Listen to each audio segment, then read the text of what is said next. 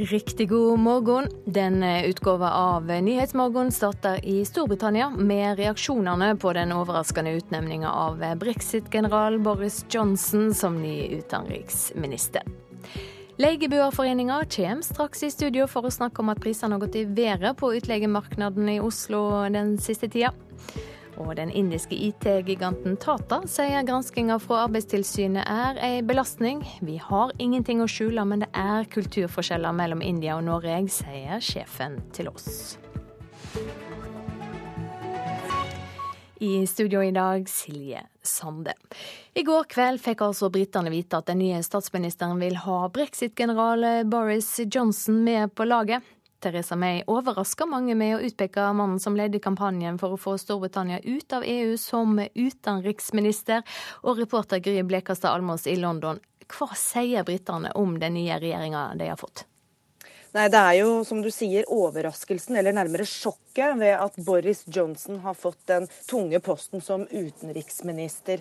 Vi husker jo hvordan han uh, selv virket uh, både overrasket og nesten sjokkert over at uh, det ble et brexit-resultat, altså at folkeavstemningen endte i at Storbritannia skal meldes ut av EU, noe han har frontet, en kampanje han har frontet. Likevel trakk han seg fra kandidaturet som leder eh, for Eh, det konservative partiet, og for selv å bli den nye statsministeren. Eh, mange mente at hans karriere, politiske karriere med det var, eh, lå i grus. Men i går kveld ble han altså utnevnt til utenriksminister, og det er det store sjokket. På, sosia på sosiale medier så uttrykkes det frykt for at Storbritannia framover nå blir latterliggjort. Uh, viser til Boris Johnsons litt eksentriske personlighet og hans noe udiplomatiske uttalelser han har kommet med mm, fra tidligere. Det er interessant å se også uh, avisenes uh, overskrifter, og særlig da de avisene som politisk er på den andre siden. The Daily Mirror har i dag et stort bilde av Boris Johnson hengende i en line over Themsen fra den gang for noen år siden han åpnet en taubane over Londons elv, hvor han ble hengende fast i en komisk posityr. 'Dear World, sorry' er overskriften. Kjære verden, vi beklager. I tillegg til Johnson, hva var de største overraskingene i eh, Theresa Mays regjering? Den største overraskelsen der er kanskje at hun eh, ga George Osborne sparken. Altså mannen som har vært eh, David Camerons finansminister eh, gjennom seks år. Eh, det gjør hun kanskje for å tydeliggjøre et eh, brudd eh, med det den regjeringen sto for, med skarpe innstramninger, kuttpolitikken som mange briter er veldig lei av. Ellers er det interessant å se at hun foruten Boris Johnson har tatt inn flere av de som kjempet for at Storbritannia skal ut av EU. David Davis blir britenes nye brexit-minister. Han skal altså ha ansvaret for uh, forhandlingene om utmeldelse. Og Liam Fox uh, blir minister for internasjonal handel. Begge disse um, tydelige, tydelige brexitere, i tillegg til Boris Johnson, blir jo de tre som sammen skal uh, føre Storbritannia ut av EU. Eh, e og så er det foreløpig av de seks utnevnelsene Vi må huske på det at hele regjeringen er ikke utnevnt ennå. Men av de seks utnevnelsene som er kommet, er det kun én kvinne, Amber Rudd, som eh, overtar som innenriksminister. Eh, og det var jo forventet at Theresa May kom til å ha et kvinnetungt tung regjering med seg. Så vi får jo se hvilke andre utnevnelser som kommer i løpet av dagen i dag. Ja, for de kommer i dag? Det er ventet at de kommer nå eh, ganske snart, ja. Takk skal du ha, reporter Gry Blekastad Almås i London. Og eh, du kan finne mer om den nye brexit-ministeren David Davis på nrk.no.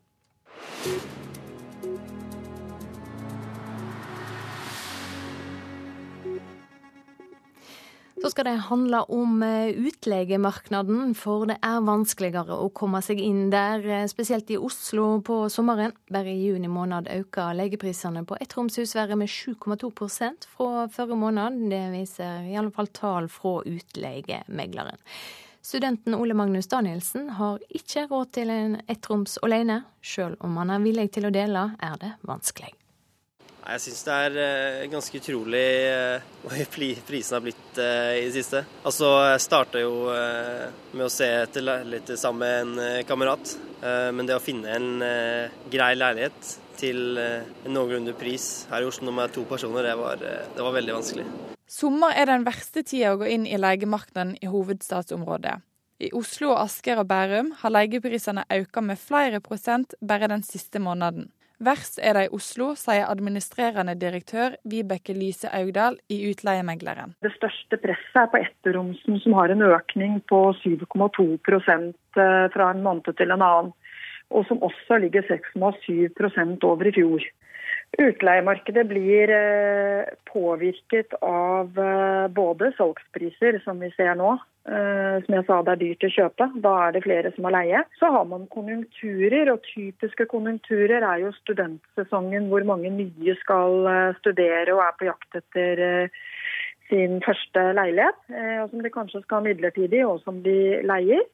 Det vil også være tøffere tider hvis arbeidsledigheten er høy så vil eh, flere kanskje se seg tvunget til å leie og, og selge enheten sin. Andre steder i landet, som Bergen og Trondheim, er det stabile priser fra mai til juni.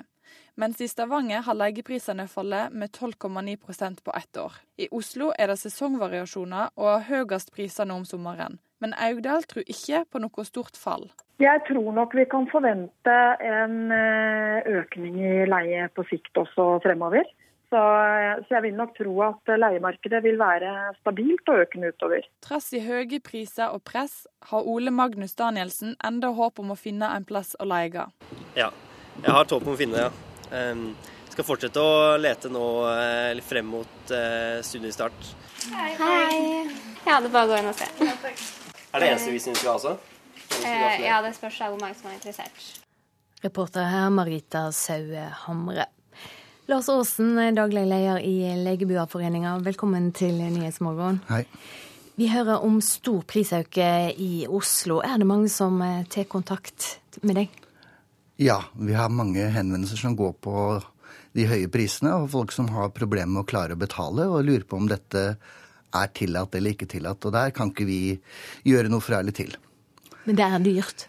Det er veldig dyrt, og det er mange som uh, har problemer med å betale det det koster. Og vi vet jo at de som leier, ikke er de som har de beste inntektene som regel. Det er altså mange unge, men også en del som bare har dårlig råd. Hvordan påvirker denne prisutviklinga folk sin levekår? De må jo stramme inn på andre områder, da. Og eh, når man har litt fra før av, så er liksom ikke, det er ikke så mange knapper å ta inn på på beltet på livreima, så det blir veldig tøft. Det vi ser er jo at eh, de flytter til mindre leiligheter, og vi ser også at eh, en økende tendens til at voksne, eh, eldre folk, bor i bofellesskap. Er folk villige til å flytte ut av de største pressområdene, ut av Oslo til dømes? Nei, det er ikke vår erfaring. Jeg tror nok de gjør det hvis de skal kjøpe bolig, men når det gjelder å leie, så bor de, i, de bor i de områdene hvor de er eh, vant til å bo, og syns det er vanskelig å flytte andre steder. Men må man, så må man. Så er det jo kommet nye aktører, til og med Airbnb. Hvordan påvirker det utleiemarkedet? Eh, vi er litt eh, engstelige for hvordan Airbnb kan slå ut. Nå har vi ikke sett noe spesielt uh, i Norge ennå, men vi vet at en lang rekke andre storbyer nå har innført strenge reguleringer på Airbnb, nettopp fordi at dette her slår ut uheldig på leiemarkedet. Tidligere ordinære utleieboliger blir tatt ut og gjort om til ferieboliger, og vi ser også at eh, man istedenfor å leie ut på normale vilkår, så leier man ut på Airbnb. Altså, da har jo ikke leieboer noen rettigheter, og det er ofte mye dyrere. Så vi tenkte at vi skulle se om vi kunne få myndighetene til å dra opp noen grenseoppganger for hva er forskjellen på Airbnb og ordinær leie. Nå er jo studentene på vei inn straks. Hva råd har du til folk som, som kommer og er på jakt etter en sted å leie? Man skal være nå prøve å være tålmodig. Det er vanskelig selvfølgelig hvis man kommer og skal starte et studie, men eh, bo heller på sofaen hos en venn. Eh, bo hos en tante. Gjør et eller annet. Fordi at normalt så roer det seg nedover, eller roer seg utover høsten. Og vi har typisk veldig mange som binder seg inn i forferdelig dyre kontrakter, og som ikke kommer ut av dem på høsten. Så ha is i magen. Det pleier å gå. Mm. Nå har vi snakka om Oslo. Hvordan er situasjonen for resten av landet? Oslo er nok eh, mye dyrere enn resten av landet, men det er den samme utviklingen i alle de store byene og tettstedene hvor det er eh, hvor det er press på leiemarkedet, særlig i forbindelse med høyskoler og skoleinstitusjoner som ligger der. Så det som liksom Det sprer seg som ringer ut i vannet, og hvor Oslo på en måte er der hvor steinen treffer. Så det er den samme utviklingen, stort sett. Takk for at du kom i studio til oss, eh, Lars Aasen, daglig leder i Legebuerforeninga. Det indiske IT-selskapet Tata vedgår at gransking av de indiske IT-arbeiderne på norske arbeidsplasser som DNB og Norgesgruppen er en belastning for selskapet. Leder for Tata Norge, Vikrami Grival sier de ikke er perfekte. I mean, on our side, we do not believe or we do not have anything to hide. Uh, vi har ingenting å skjule, sier lederen for norgeskontoret til indiske Tata Consultancy Services. Men han er bekymret over Arbeidstilsynets granskinger etter påstander om fryktkultur og ulovlig bruk av overtid. Is, is I flere saker har NRK fortalt om påstander om sosial dumping i IT-bransjen. I nesten alle sakene har de indiske IT-arbeiderne vært ansatt i Tata Consultancy Services, et av verdens største outsourcing-selskaper. Kundene, som er flere av Norges største selskaper, uttrykker bekymring over om påstandene er sanne, forteller Greval. Absolutely. I think, uh, you know, all our, all our uh, uh, concerned that we prove these allegations wrong. Men hvis det er sånn, så er det jo et alvorlig problem. For det første så er det sånn at det, man snakker om sosial dumping med alle mulige andre bransjer. Dette her er jo noe av det mer grove vi har i hvert fall har blitt tipsa om. Det. Så hvis det medfører riktighet, så er det jo en form for grov sosial dumping. Sa Jon Olav Andersen, leder i LHIT-forbundet, til NRK tidligere i sommer i forbindelse med mistanken om 14-16 timers arbeidsdager for Vipps-arbeiderne i DNB også de ansatt i Tata. We clearly don't recognize this, you know, allegations of, of our employees having a fear culture, and it's det indiske selskapet vil ikke svare på konkrete påstander knyttet til Arbeidstilsynets gransking, men Greval understreker at unge indere som kommer til Norge, selv ønsker å jobbe ekstra hardt i tiden de er her. A young Indian, I mean, who works here, for instance, 27-28 years old, working on very exciting projects. He doesn't have a wife, he doesn't have a kid. His whole social circle is around his work colleagues, right? So that's how he works. So therefore, and, and he comes with this ambition that, you know, if I work hard, the sky is the limit for me. Maybe he'll be sort of sitting in my seat here tomorrow. In spite of us not expecting them to solve it, they will have an ambition that, you know, it's important for me to solve it. And that part we are trying to correct, saying that you know, when you are in Norway, please respect the Norwegian regulations. Reportere her Line Tomter og Anne Cecilie Remen. Hovedsaker nå her i Nyhetsmorgen. Den nye britiske statsministeren har begynt jobben med å samle britene etter brexit. Mange er spente på hvordan Boris Johnson vil bli som utenriksminister. Som vi hørte, den indiske IT-giganten Tata avviser påstander om sosial dumping på norske arbeidsplasser. Og en person er skadd etter ei arbeidsulykke inn i en tunnel på Follobanen mellom Oslo og Ski.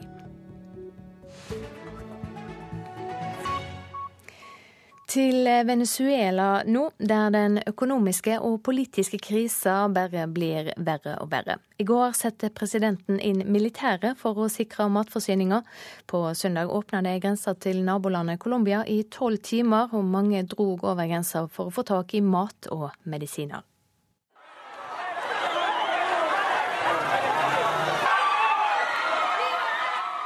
Slik hørtes det ut da titusener av venezuelere søndag strømmet over en gangbro til nabolandet Colombia for å kjøpe mat og andre nødvendige forbruksvarer.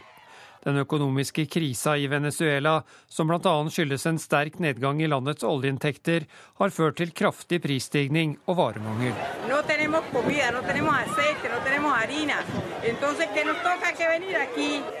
Vi har ikke mat, ikke olje, ikke mel. Det er derfor vi må dra hit, sier Carmen Velasco un alivio una conformidad de poder venir a buscar nuestros productos, nuestros medicamentos que realmente allá no conseguimos. Det er en lettelse å kunne komme til Colombia for kjøpt medisinene som vi ikke får tak i hjemme, sier Bernarda Oliveros. I går satte president Nicolas Maduro havner og matprodusenter under militærkontroll. Ifølge presidenten gjør han det for å bli kvitt korrupsjon og vanstyre og sikre en jevnere matfordeling. En type varer som har vært vanskelig å få tak i, er sanitærartikler. Da den amerikanske dopapirprodusenten Kimberley Clark i forrige uke besluttet å stenge fabrikken sin i landet pga. mangel på valuta og råmaterialer, bestemte Madoro at staten skal drive den videre. Venezuela er et av verdens mest oljeavhengige land. Ifølge tall fra Det internasjonale pengefondet har nedgangen i oljeprisen ført til at landet har gått fra å tjene 80 milliarder dollar i 2013 til bare 20 milliarder i år. Den samlede økonomien i landet krympet med 6% i fjor, og ventes å krympe med 8% i år. Flere opposisjonspolitikere kritiserer presidenten for det de kaller en militarisering av økonomien, og frykter at statlig og militær overtagelse av bedrifter skal gjøre den økonomiske situasjonen enda verre. De krever derfor at han må gå. Presidenten på sin side legger skylda for krisa på sammensvergelser på høyresida. Reporter Tom Ingebrigtsen. Eirik Vold, journalist og Venezuela-kjenner. Du har også skrevet bok om eh, Hugo Chávez. La oss starte med det siste. Kan Maduro ha rett i at høyresida har et ansvar for den vanskelige situasjonen? Hvis man går litt lenger tilbake, så kan man i hvert fall si at, eh, at næringslivet har sin del av ansvaret, i den forstand at man i begynte like etter at Chávez ble valgt, så, så reagerte den venezuelanske økonomiske eliten med, med produksjonsnedleggelser, lockout, i koordinasjon med et militærkuppforsøk der Chávez ble bortført i 48 timer, og man innsatte et, eh, et høyreekstremt diktatur.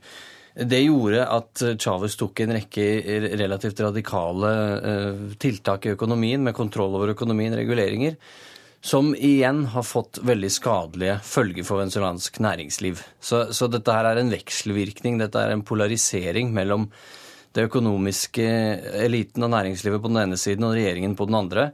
Eh, som har fått eh, veldig skadelige følger. Men, og så kommer nedgangen i oljeprisen på toppen? Ja, absolutt. Så, så det er en kombinasjon. Og så er det den lang, langvarige oljeavhengigheten, hvor også næringslivet har sin del av det. Men akkurat det argumentet eh, fra regjeringen om at det som, den krisen som vi er inne i nå, bare er en sammensvergelse fra eller skyldes økonomisk krigføring fra bedriftene, det, det er mildt sagt en overdrivelse, tror jeg, da.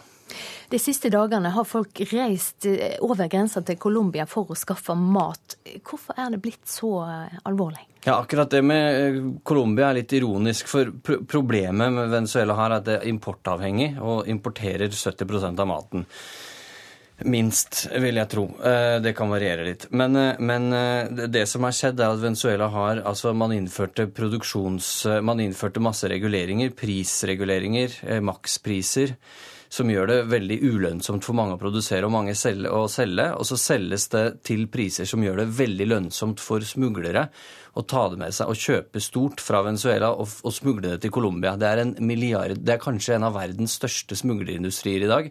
Det ryktes at det å smugle mat, bensin, subsidiert mat, bensin, og medisiner fra Venezuela til Colombia, det er blitt så lønnsomt at til og med kokainkartellene, colombianske kokainkarteller har slutta med kokain og heller, og heller smugler maismel. Og det, det, sier ganske mye. Så her er det en gigantisk strøm som går fra Venezuela og til Colombia, fordi venezuelansk valuta har vært så lite at det er ekstremt billig å kjøpe alt der. der. Så Det er hovedsaken i det problemet. Så det du finner i Colombia, er venezuelanske produkter, stort sett.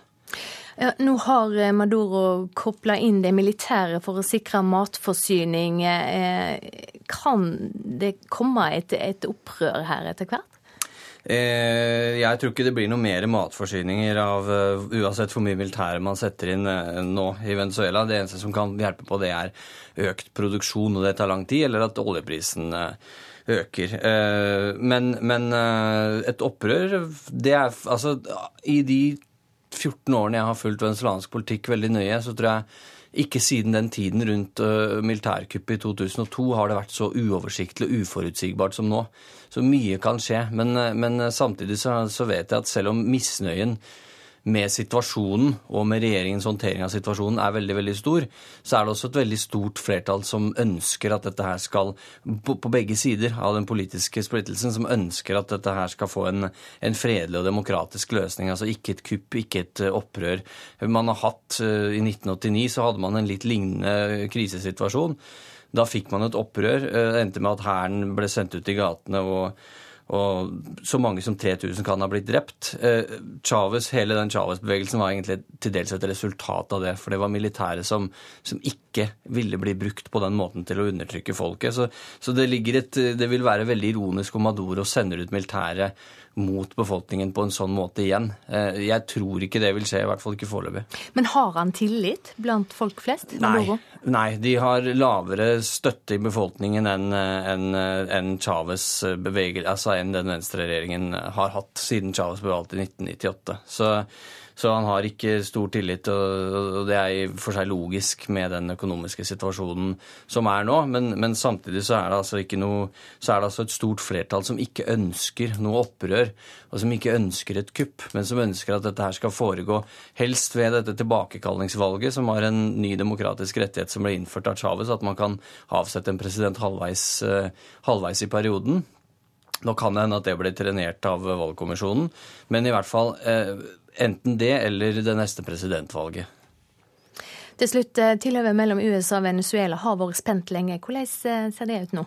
Nei, altså Amerikanerne har jo videreført denne, eh, dette, dette dekretet fra Obama. De har fornya det dekretet hvor Venezuela blir omtalt som, som en nasjonal sikkerhetstrussel for USA. Og Det er klart det er en ganske alvorlig sak for bekymring for venezuelanerne. fordi det er, når USA um, betegner et land som en nasjonal sikkerhetstrussel, så betyr det at da kan, da kan man sette inn voldsomt mye undergravende tiltak. Og, og jeg har jo studert eh, disse Wikileaks-dokumentene fra USAs ambassade i Caracas frem til 2011, så det har jo foregått en enormt omfattende undergravende virksomhet, helt klart i strid med alle diplomatiske konvensjoner fra amerikanerne sin side. De støtta også militærkupp i 2002. Hvor mye de er inne nå, er jeg litt mer eh, usikker på. Takk for at du kom i studio til Nyhetsmorgen, Eirik Wold. Da skal vi ta en kikk på dagens aviser. Vil du nyte utsikta, så skund deg, er oppfordringa fra Aftenposten. Det nye Oslo-ikonet Barcode blir bygd inn. Området med høghus i sentrum av hovedstaden kommer til å endre seg når det kommer åtteetasjers bygninger framfor. VG har møtt en bakmann i Bolivia-saka. Jeg angrer hver dag, sier norsk-bolivianeren Augusto Toro Blacut, som var med på å organisere smuglerruta fra Bolivia til Norge. 30-åringen har sittet sju år i boliviansk fengsel. Dagbladet spør om nordmenn synes kongehuset er for dyrt, og folket ser ut til å være delt når det gjelder svaret på det. 46% av de spurte i en meningsmåling mener de kongelige får passe mye penger, mens 40% mener de får for mye. Dagens Næringsliv skriver om gründer Bjørn Nikolaisen, som har gjort milliardbutikk på vaskekluter. Novex Norge har 98 000 selgere over hele verden. Nikolaisen tjente over 100 millioner kroner i fjor etter å ha gjort suksess med Home Parties. Fattige søramerikanske menn kommer til Norge som jobbsøkere, men ender opp i prostitusjon. De selger sex for å overleve, sier Kirkens Bymisjon til Vårt Land. Den nye britiske statsministeren har fått mesteparten av Dagsavisen Dagsavisens framside. Hun går nærmest ei umulig oppgave i møte med å forsøke å samle et splitta Storbritannia, sier Storbritannia-ekspert Per Edgar Kokkvold til avisa. Private tar over den politiske festivalen Arendalsveka, forteller Klassekampen. Firmaer som Pfizer, Uber, McDonald's og Unibet stiller i Arendal for å mingle med norske toppolitikere, og ikke minst for å arrangere egne debatter. Trenden snur, og for første gang på fem år blir det flere økobønder. Jeg skulle ønske folk visste hvor enkelt det er, sier en av dem til Nasjonen. Så sykling. Rytterne i Tour de France skal ikke sykle til toppen av Mont Ventoux i dag. Sterk vind gjør at etappen blir korta ned, og det gleder Redvald Boasson Hagen. Skal ikke være med å kjempe om noen førsteplass der uansett. Og om jeg får en kortere bakke, så gjør ikke det meg noen ting. Så jeg har ikke, har ikke hørt noe før dere har sagt noe. Så får vi ta, den som, tar det som det kommer. Edvald Boasson Hagen setter pris på at torsdagens etappe blir kortere i Tour de France. Den tolvte etappen har målgang på legendariske Mont Ventoux, men etappens siste seks kilometer er nå fjernet pga. kraftig vind. Det betyr at rytterne ikke vil gå i mål ved fjellets værstasjon. Vind kan blåse bort campingutstyr på veien, så syklistene er ikke dekket. Det er et åpent område, og vinden er sterkere der oppe. Det er risikabelt, og når det er risikabelt, er det smart og riktig å droppe den siste delen. Det sier sportsdirektør i Katusha, Torsten Schmidt. Han tror klatrerne vil få nok av bakker å kjempe i, og at arrangørene har tatt den rette avgjørelsen. Jeg tror at de som har tatt avgjørelsen, vet hva de gjør. De har gode rådgivere når det kommer til været, og det siste vi ønsker, er at rytterne blir satt i fare. Klatrerne kan fortsatt kjempe i bakkene, selv om noe av etappen blir kuttet. Det viktigste er at ingen blir skadet. Reporter her Emil Gukild. Det er straks tid for Dagsnytts hovedsending. Etter det skal vi høre at en av de aller viktigste røystene i moderne film har gått bort i sommer.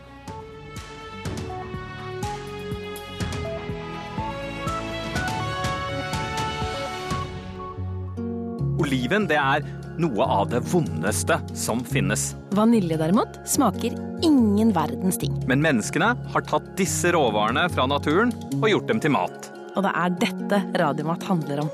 Radiomat. Ved Pia Skjevik og Andreas Spiestad. Lørdager i sommer på NRK P2.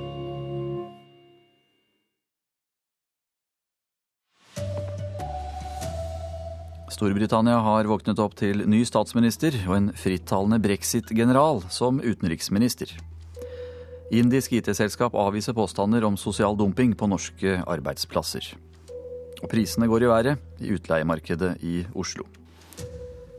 Her er NRK Dagsnytt klokka 7.30. Ja, den foreløpig største overraskelsen etter statsministerskiftet i Storbritannia er utnevnelsen av Boris Johnson som ny utenriksminister. Londons tidligere borgermester er kjent for sine mange udiplomatiske uttalelser. Nå blir han altså toppdiplomat.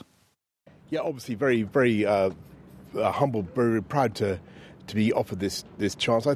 Ydmyk og stolt var ordene Boris Johnson brukte da han sent i går kveld kom hjem til huset sitt i London.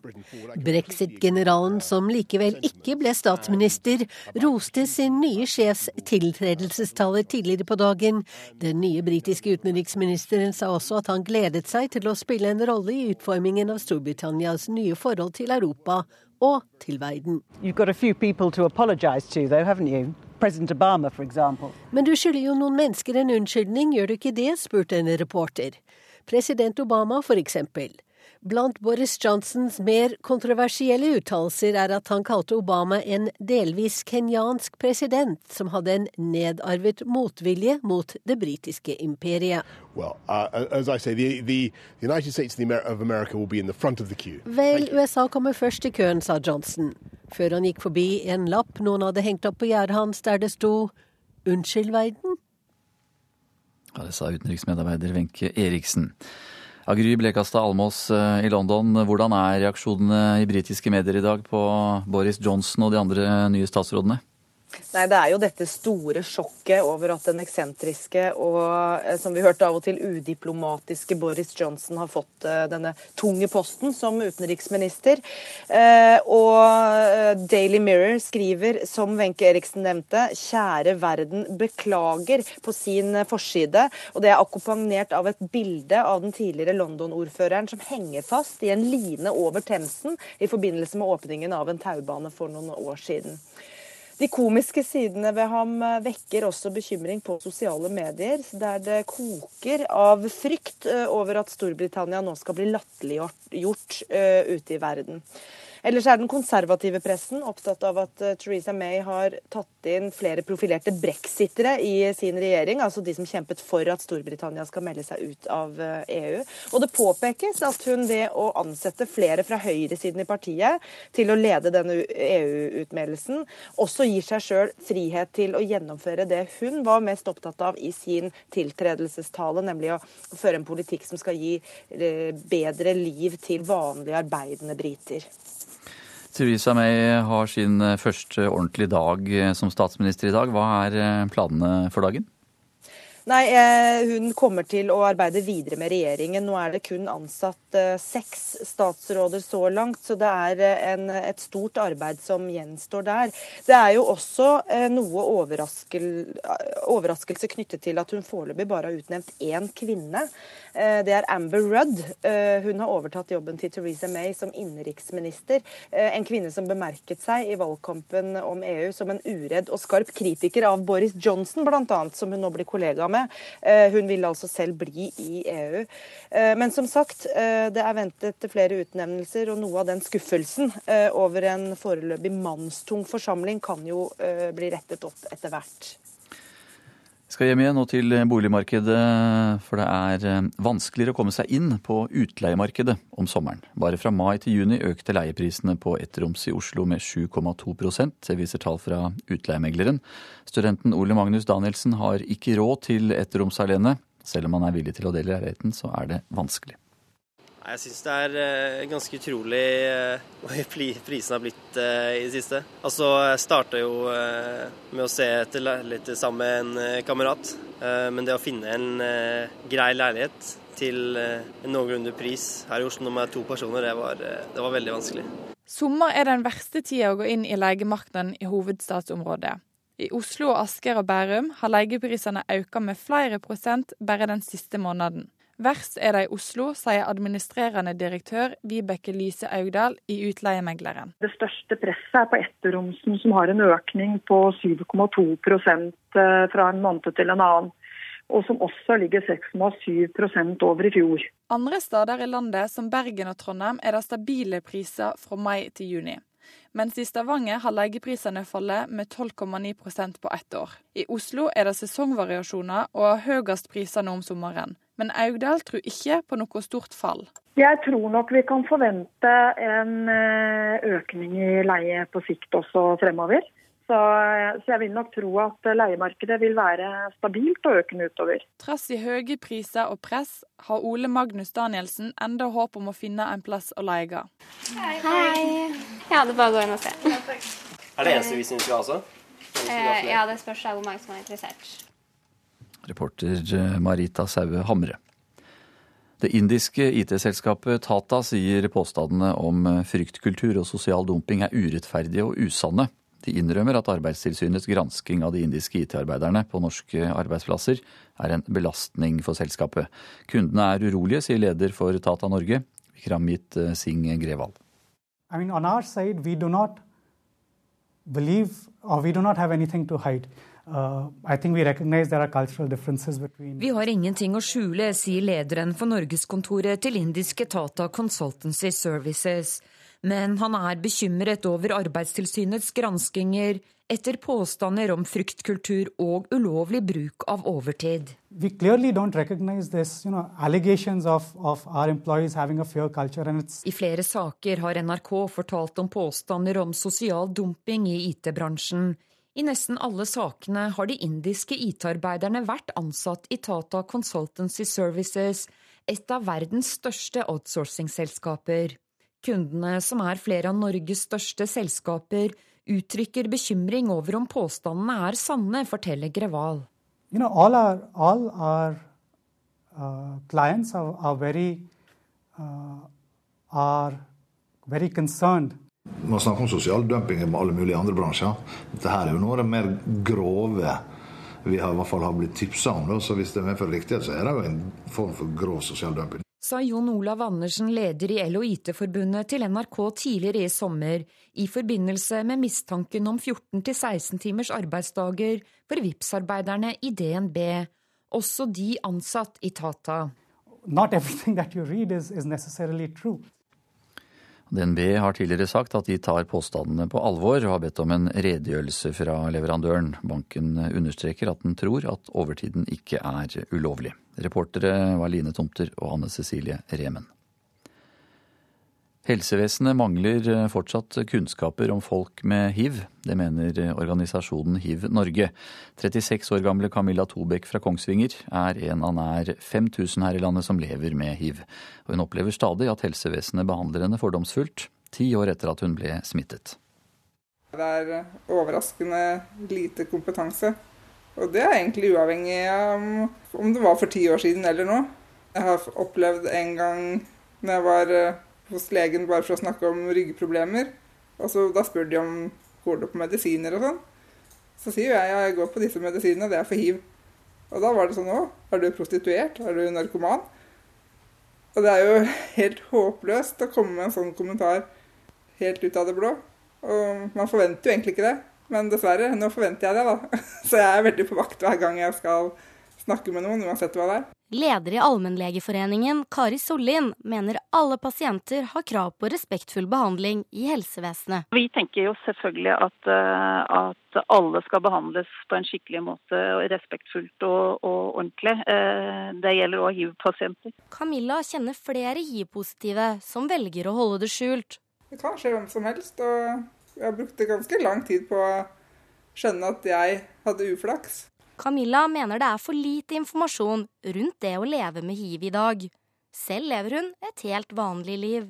Nå er det stille og rolig, et vanlig liv. Jeg hadde på en måte ikke sett for meg at jeg skulle ha det så bra som jeg har det nå da. Da falt hele livet i grus. Så at jeg nå er gift med en fantastisk mann og fått en fantastisk sønn, det kan jo ikke bli bedre. Jeg hadde sett for meg et liv alene hvor eh, jeg skal bo i leilighet med bare katter og ikke ingen som vil ha noe med meg å gjøre. Men det viste seg heldigvis å være annerledes. Reporter her, det var eh, Madeleine Liereng. Ansvarlig for eh, NRK Dagsnytt i dag, det er eh, Anne Skårseth. Jeg heter Anders Borgen Werring.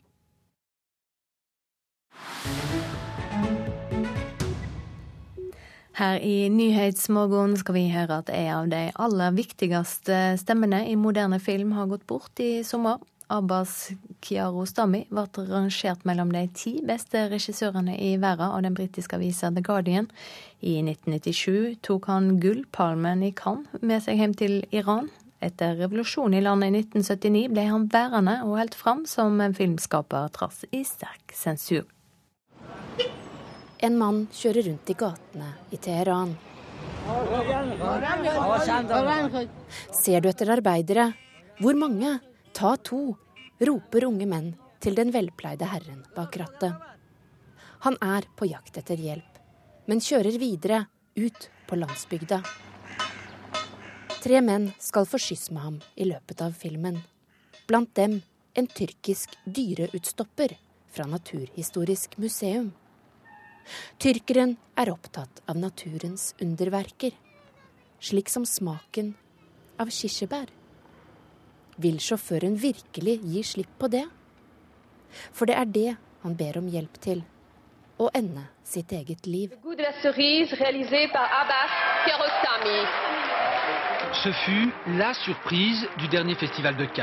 Filmen 'Smaken av kirsebær' ble hyllet med Gullpalmen i Cannes i 1997.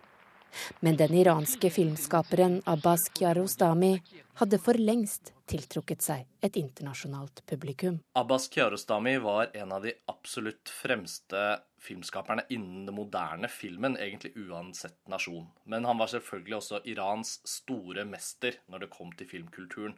Og han inspirerte en hel generasjon av filmskapere som kom etter han. Det forteller Karsten Meinick, redaktør av nettmagasinet Montasj og podkasten Filmfrelst. Han var veldig nysgjerrig på mennesker. Det ser man på han. Flere ganger da jeg intervjuet han, så var det han som stilte meg spørsmål, f.eks.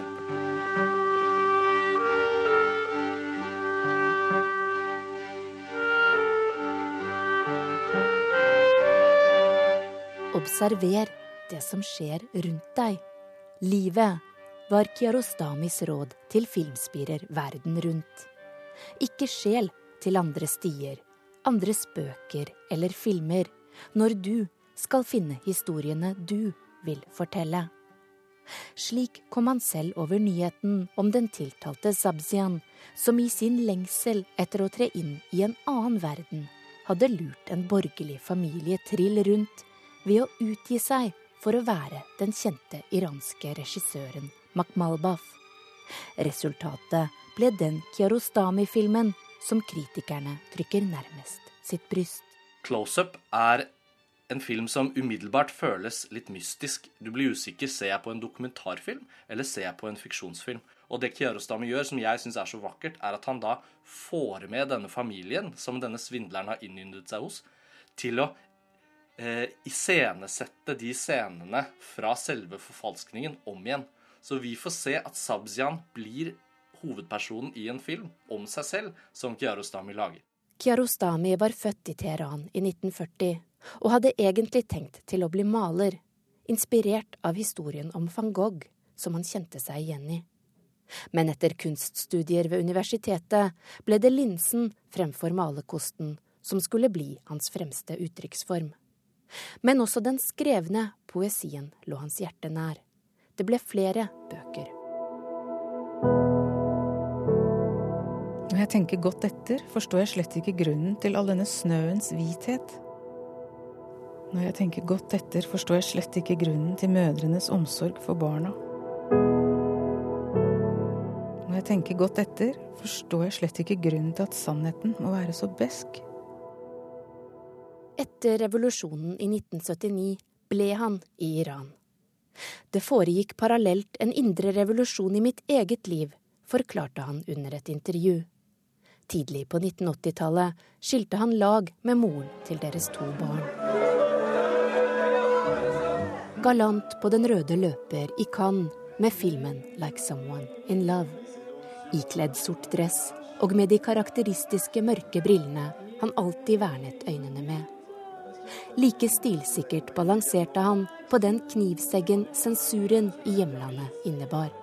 Men han hadde aldri noe ønske om å flytte fra Iran.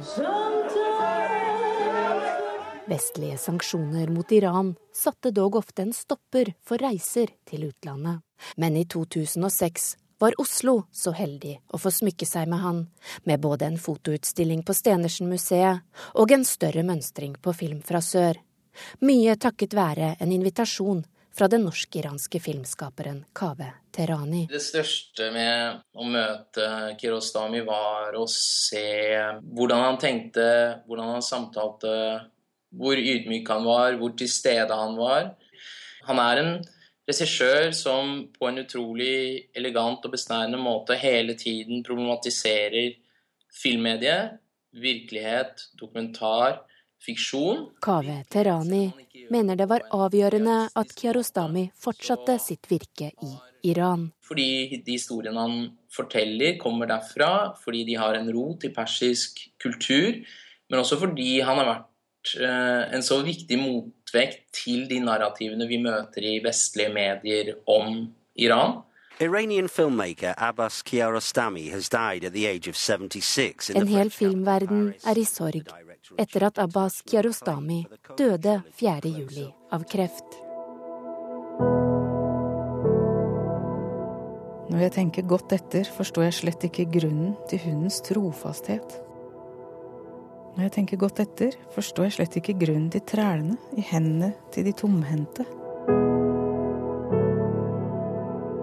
Når jeg tenker godt etter, forstår jeg slett ikke grunnen til redselen for døden.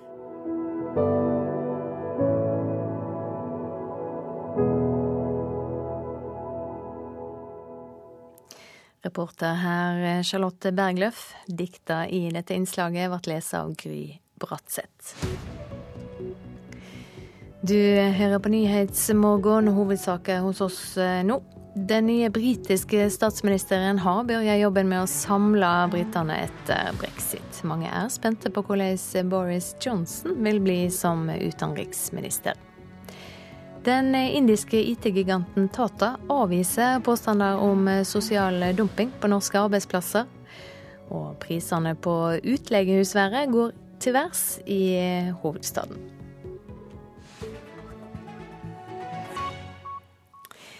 Dårlig sommervær er nok til å ødelegge dagen for mange ferierende, men for Vibeke Hammer Madsen er kanskje regnbyger og gråvær godt nytt. Administrerende direktør i eh, Virke, Vibeke Hammer Madsen, du har egentlig tatt ferie, men har tatt en pause fra hyttelivet og er med fra studio i Tønsberg. Regnet om sommeren, det kan vel kanskje bety mange ekstra kroner i kassa for norsk handel?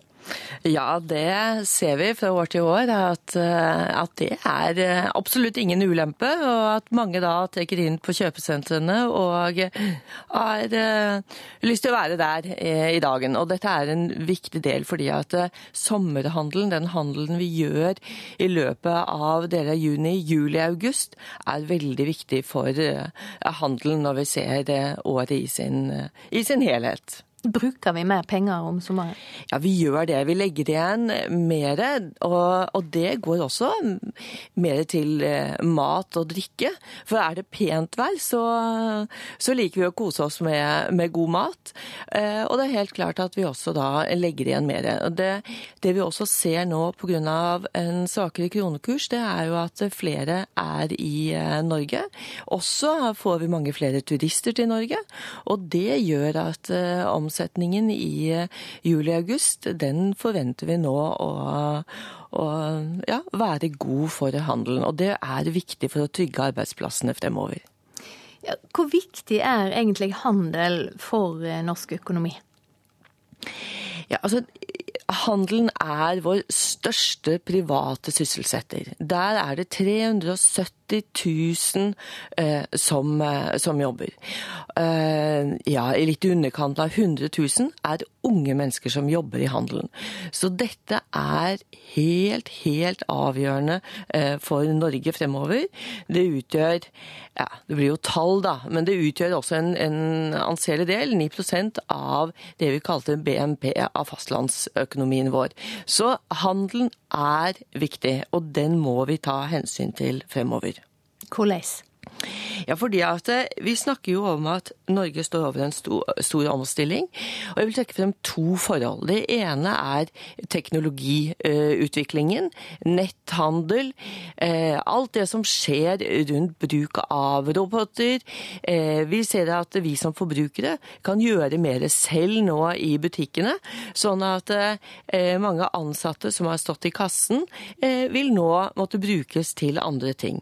Og så har vi også en stor utfordring, men også en store muligheter, som går på miljø, med at vi har eh, hva skal jeg si, færre ressurser, som gjør at vi også i fremtiden må ha en riktig handel, eh, en miljømessig handel. Og Disse to utfordringene det gir muligheter, men det mener jo vi at det er også noe som regjeringen eh, og Stortinget må følge med på, skal vi sikre at vi fortsatt gir arbeidsplasser til 370 000 ansatte.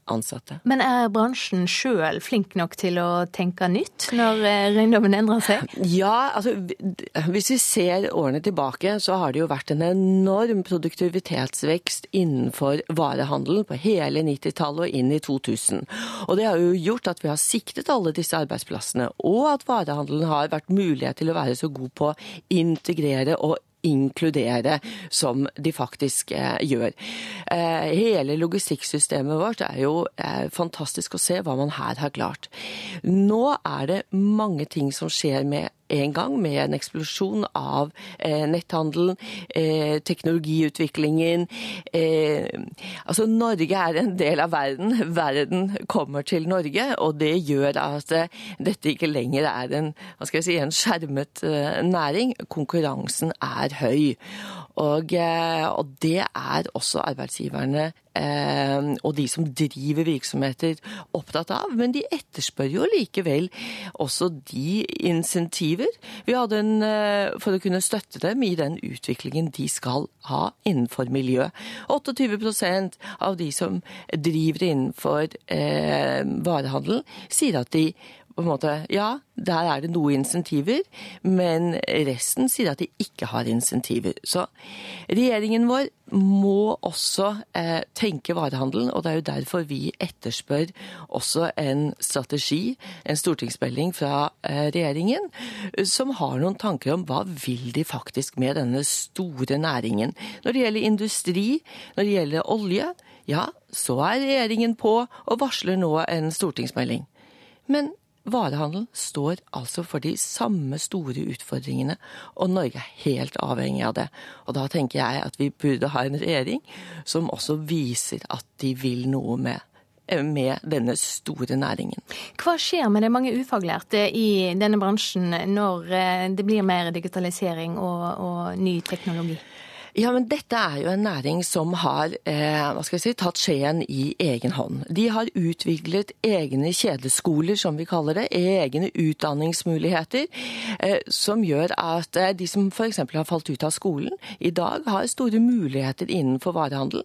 De får der muligheten til å spesialisere seg, enten innenfor eh, innenfor fisk, innenfor frukt, eller faktisk bli eh, leder. Og i dag så ser vi at mange eh, har en eh, fantastisk utdannelse, og som gjør at de blir dyktige ledere innenfor varehandelen. Så vi tror jo at mange av de som i dag er ufaglærte, de vil få muligheter innenfor varehandelen. Og dette er også en del av de tingene som Virke tar opp med vår kunnskapsminister, nemlig også anerkjenne den utdannelsen, kompetanseutviklingen, livslang læring som skjer innenfor varehandelen. For dette skjer altså på siden av vårt utdanningssystem. Og eh, fordi at vi rett og slett ikke har et utdanningssystem som tar nok hensyn til hva varehandelen kommer til å trenge av kompetanse i fremtiden. Da må varehandelen gjøre det selv. Men vi tror jo at det hadde vært så mye, mye bedre hvis vi hadde fått et enda tettere samspill med kunnskapsministeren og regjeringen på hva de vil med varehandelen i fremtiden. Hva gjør du sjøl for å få til det? Ja, Vi er jo veldig opptatt av å øh, vise nå de gode eksemplene øh, som vi har fra de forskjellige skolene. Ta f.eks. Kiwi-skolen, hvor øh, jeg vet at også ministeren har vært og besøkt for å se hvordan man løfter frem der eh, ungdom som har falt ut av skolen, og som nå står der og er toppledere innenfor en stor virksomhet med mange ansatte. Så her er det altså muligheter. Så vi prøver å få frem de gode eksemplene. Vi prøver å påvirke lærlingeordningen, og utdannelsessystemet, for å anerkjenne kjedeskolene inn i, i, dette. Og vi ser jo også at med eh, flyktningene som kommer, eh, asylsøkere som kommer, så er det jo varehandelen som er god til å ta imot dem. Og vi har mange eksempler på de som har kommet da fra andre land og får muligheter til å jobbe innenfor varehandel, og bli også der ledere eller fagspesialister. Vibeke Hammer Madsen, takk for at du var med oss her i Nyhetsmorgen.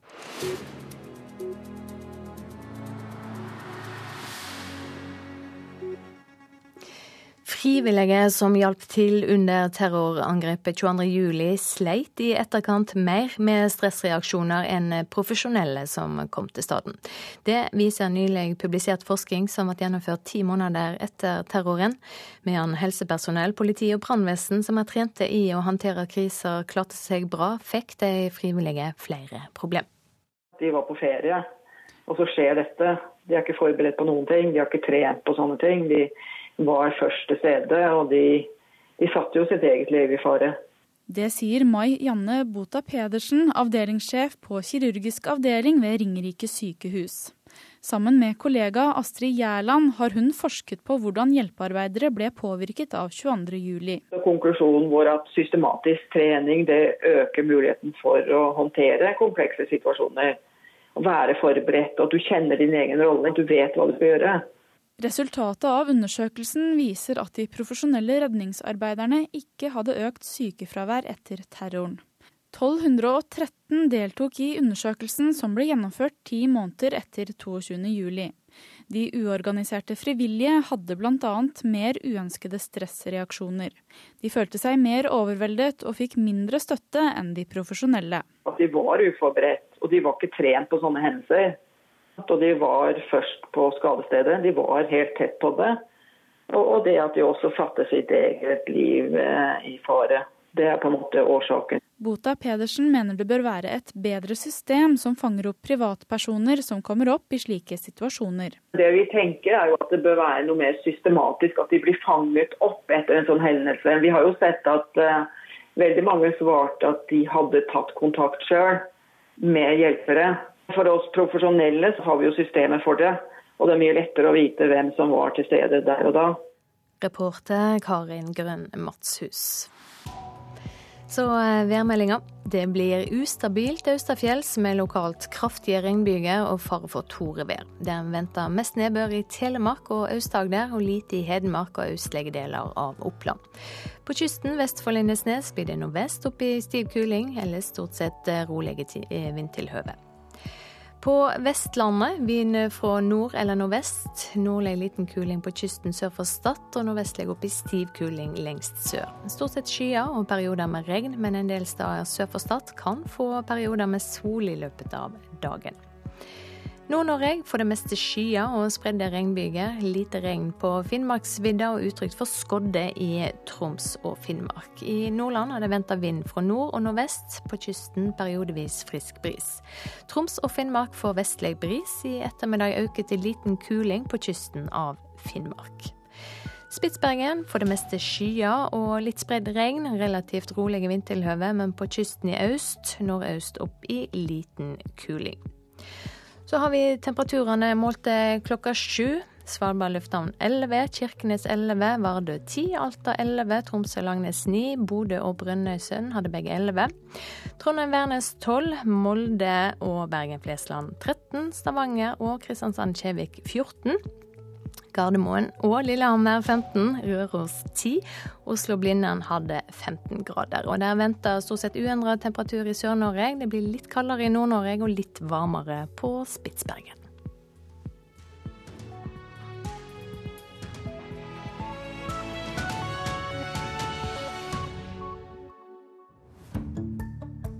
Å kopiere De Lillos ville vært meningsløst. Det sier Natasha Holmboe, som gjør sin personlige og svenske vri på De Lillos sanger.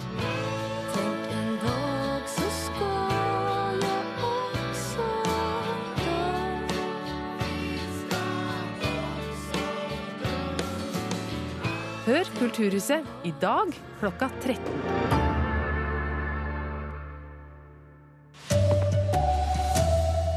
Britene reagerer sterkt på at frittalende brexit-general blir ny utenriksminister. Norske fiskeørnunger skal bidra til ny sveitsisk ørnebestand.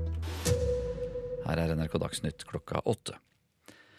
Reaksjonene i Storbritannia lar ikke vente på seg etter at den nye regjeringen ble presentert i går. Statsminister Theresa May overrasket mange ved å utpeke brexit-general Boris Johnson som utenriksminister.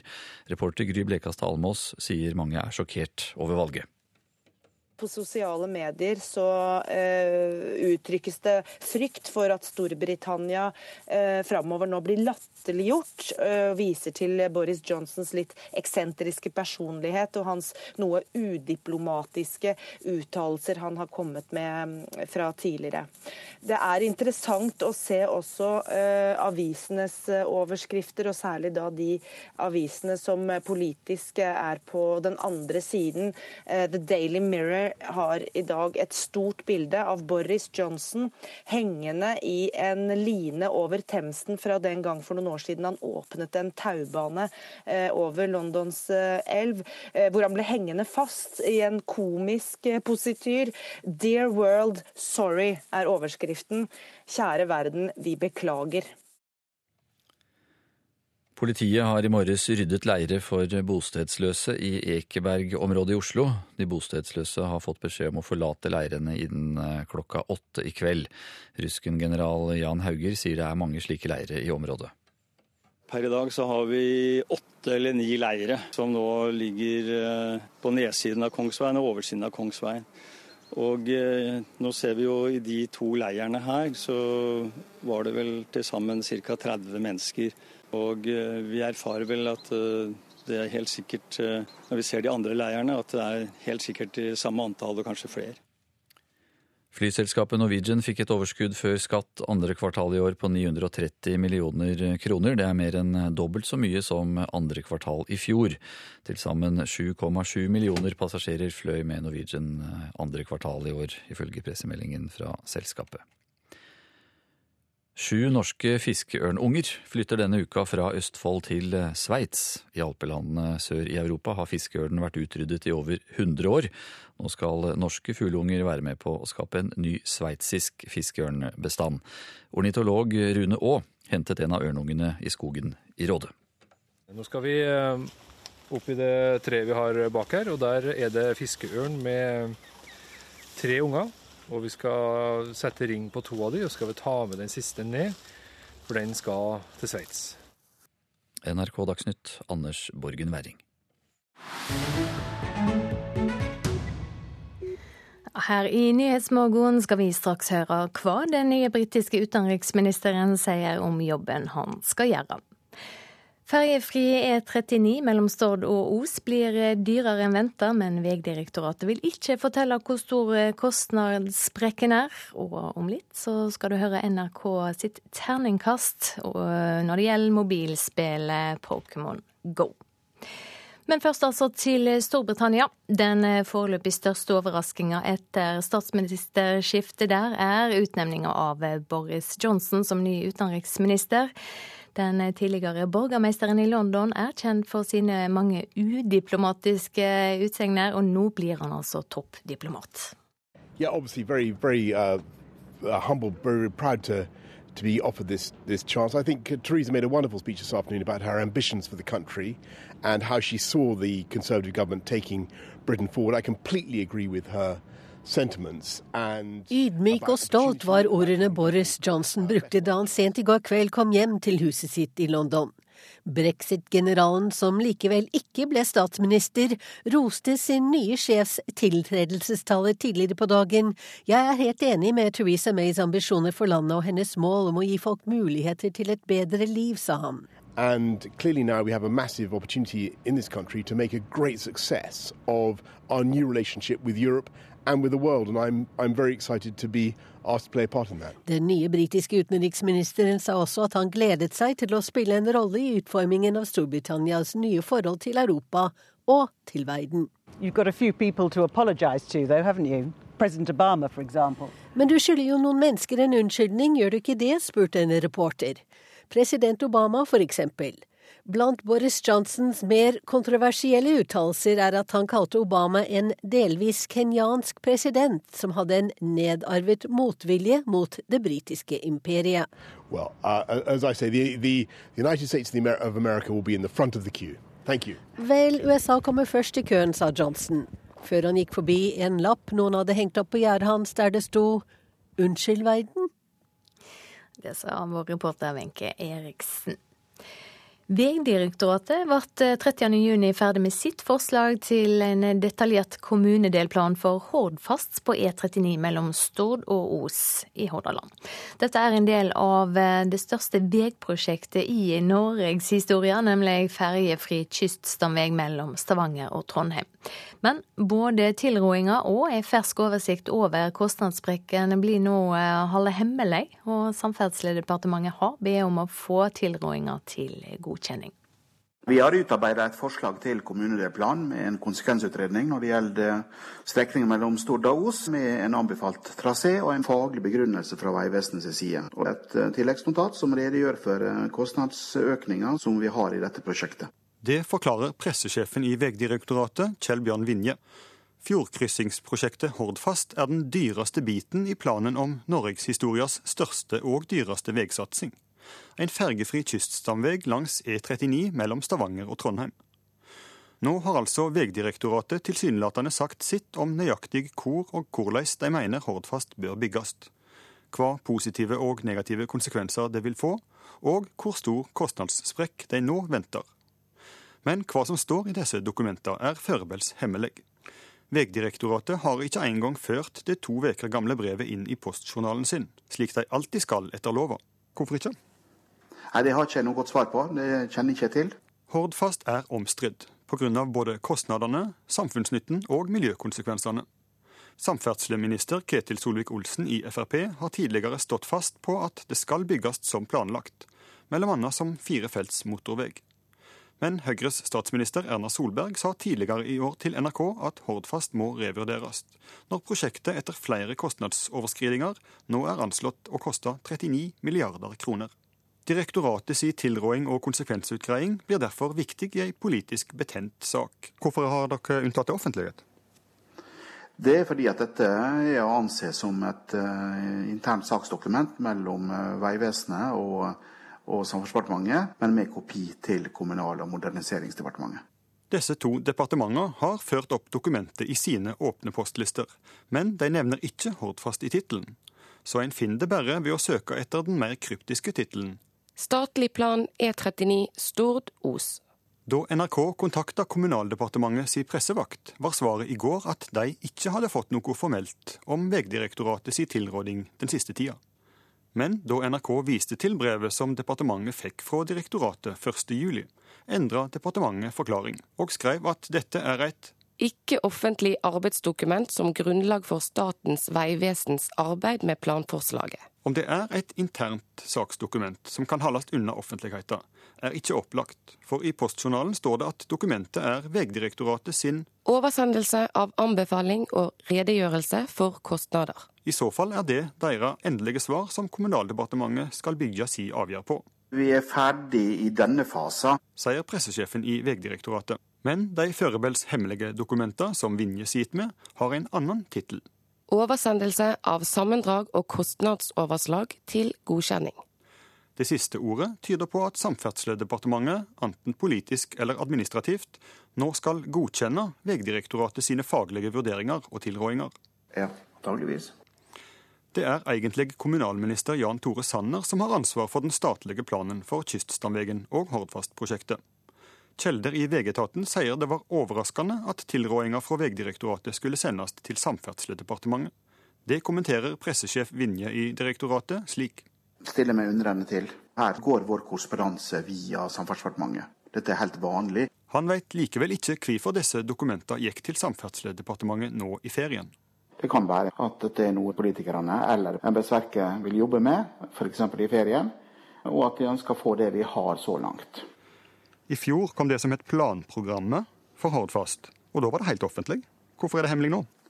Nei, Det har ikke jeg noen god forklaring på. Reporter her Leif Rune Løland. Vi skal ha, ta en kikk på dagens aviser. Vil du nyte utsikta, så skund deg, er oppfordringa fra Aftenposten. Det nye Oslo-ikonet Barcode blir bygd inn. Området med høghus i sentrum av hovedstaden kommer til å endre seg når det kommer åtteetasjers bygninger eh, framfor. VG har møtt en bakmann i Bolivia-saka. Jeg angrer hver dag, sier norsk-bolivianeren som var med på å organisere smuglerruta fra Bolivia til Norge. 30-åringen har sittet sju år i boliviansk fengsel. Dagbladet spør om nordmenn synes kongehuset er for dyrt, og folket ser ut til å være delt når det gjelder svaret på det. 46% av de spurte i en meningsmåling mener de kongelige får passe mye penger, mens 40% mener de får for mye. Dagens Næringsliv skriver om gründer Bjørn Nikolaisen som har gjort milliardbutikk på vaskekluter. Norvex Norge har 98 000 selgere over hele verden, og Nikolaisen tjente over 100 millioner kroner i fjor etter å ha gjort suksess med homeparties. Fattige søramerikanske menn kommer til Norge som jobbsøkere, men ender opp i prostitusjon. De selger sex for å overleve, sier Kirkens Bymisjon til Vårt Land. Og Den nye britiske statsministeren har fått mesteparten av Dagsavisens framside. Teresa May går en nærmest umulig oppgave i møte med å forsøke å samle et splitta Storbritannia. Det sier Storbritannia-ekspert Per Edgar Kokkvold til avisa. Private tar over den politiske festivalen Arendalsveka, forteller Klassekampen. Firmaer som Pfizer, Uber, McDonald's og Unibet stiller i Arendal for å mingle med norske toppolitikere, og ikke minst for å arrangere egne debatter. Trenden snur, og for første gang på fem år blir det flere økobønder. Jeg skulle ønske folk visste hvor enkelt det er, sier en av de til Nasjonen. Hyttedrømmen i Hardanger ble et økonomisk mareritt, skriver Bergens Tidende. En kaotisk byggeprosess ender med ødelagte hytter og hundretusener i ekstrautgifter. Nå har flere familier retta millionkrav mot utbyggeren. Og Fedrelandsvennen har funnet fram til den fotoboksen i Agder som drar inn mest penger. Den grå boksen står på E39 ved Aurebekk i Mandal. Festen er i gang, skriver Tønsbergs Blad om Slottsfjellfestivalen. Pøsregn ser ikke ut til å legge noen demper på blide festivalfolk som står i kø.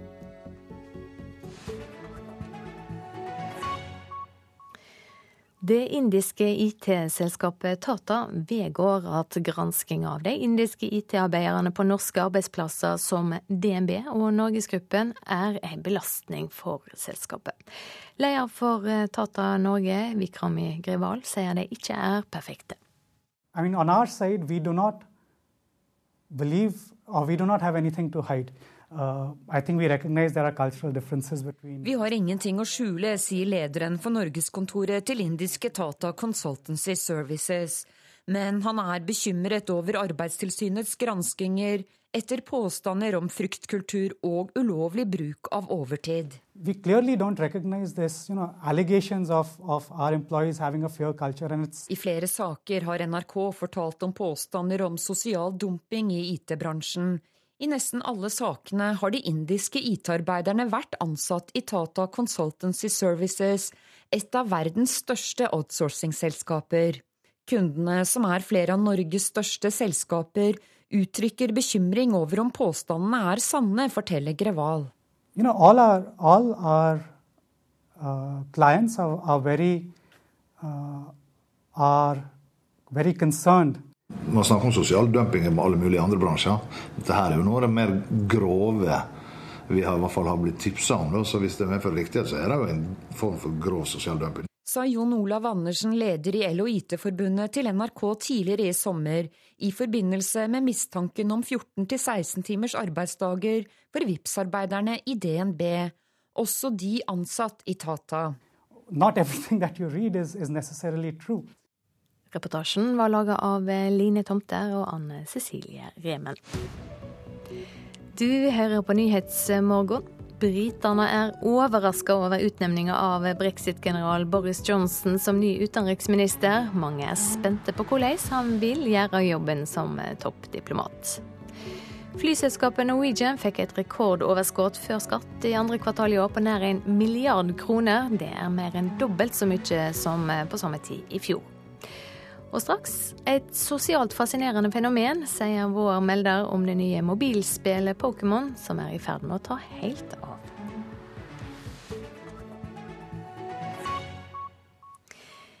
I kveld er det offisiell åpning av Riddu Riddu-festival i Mandal i Nord-Troms.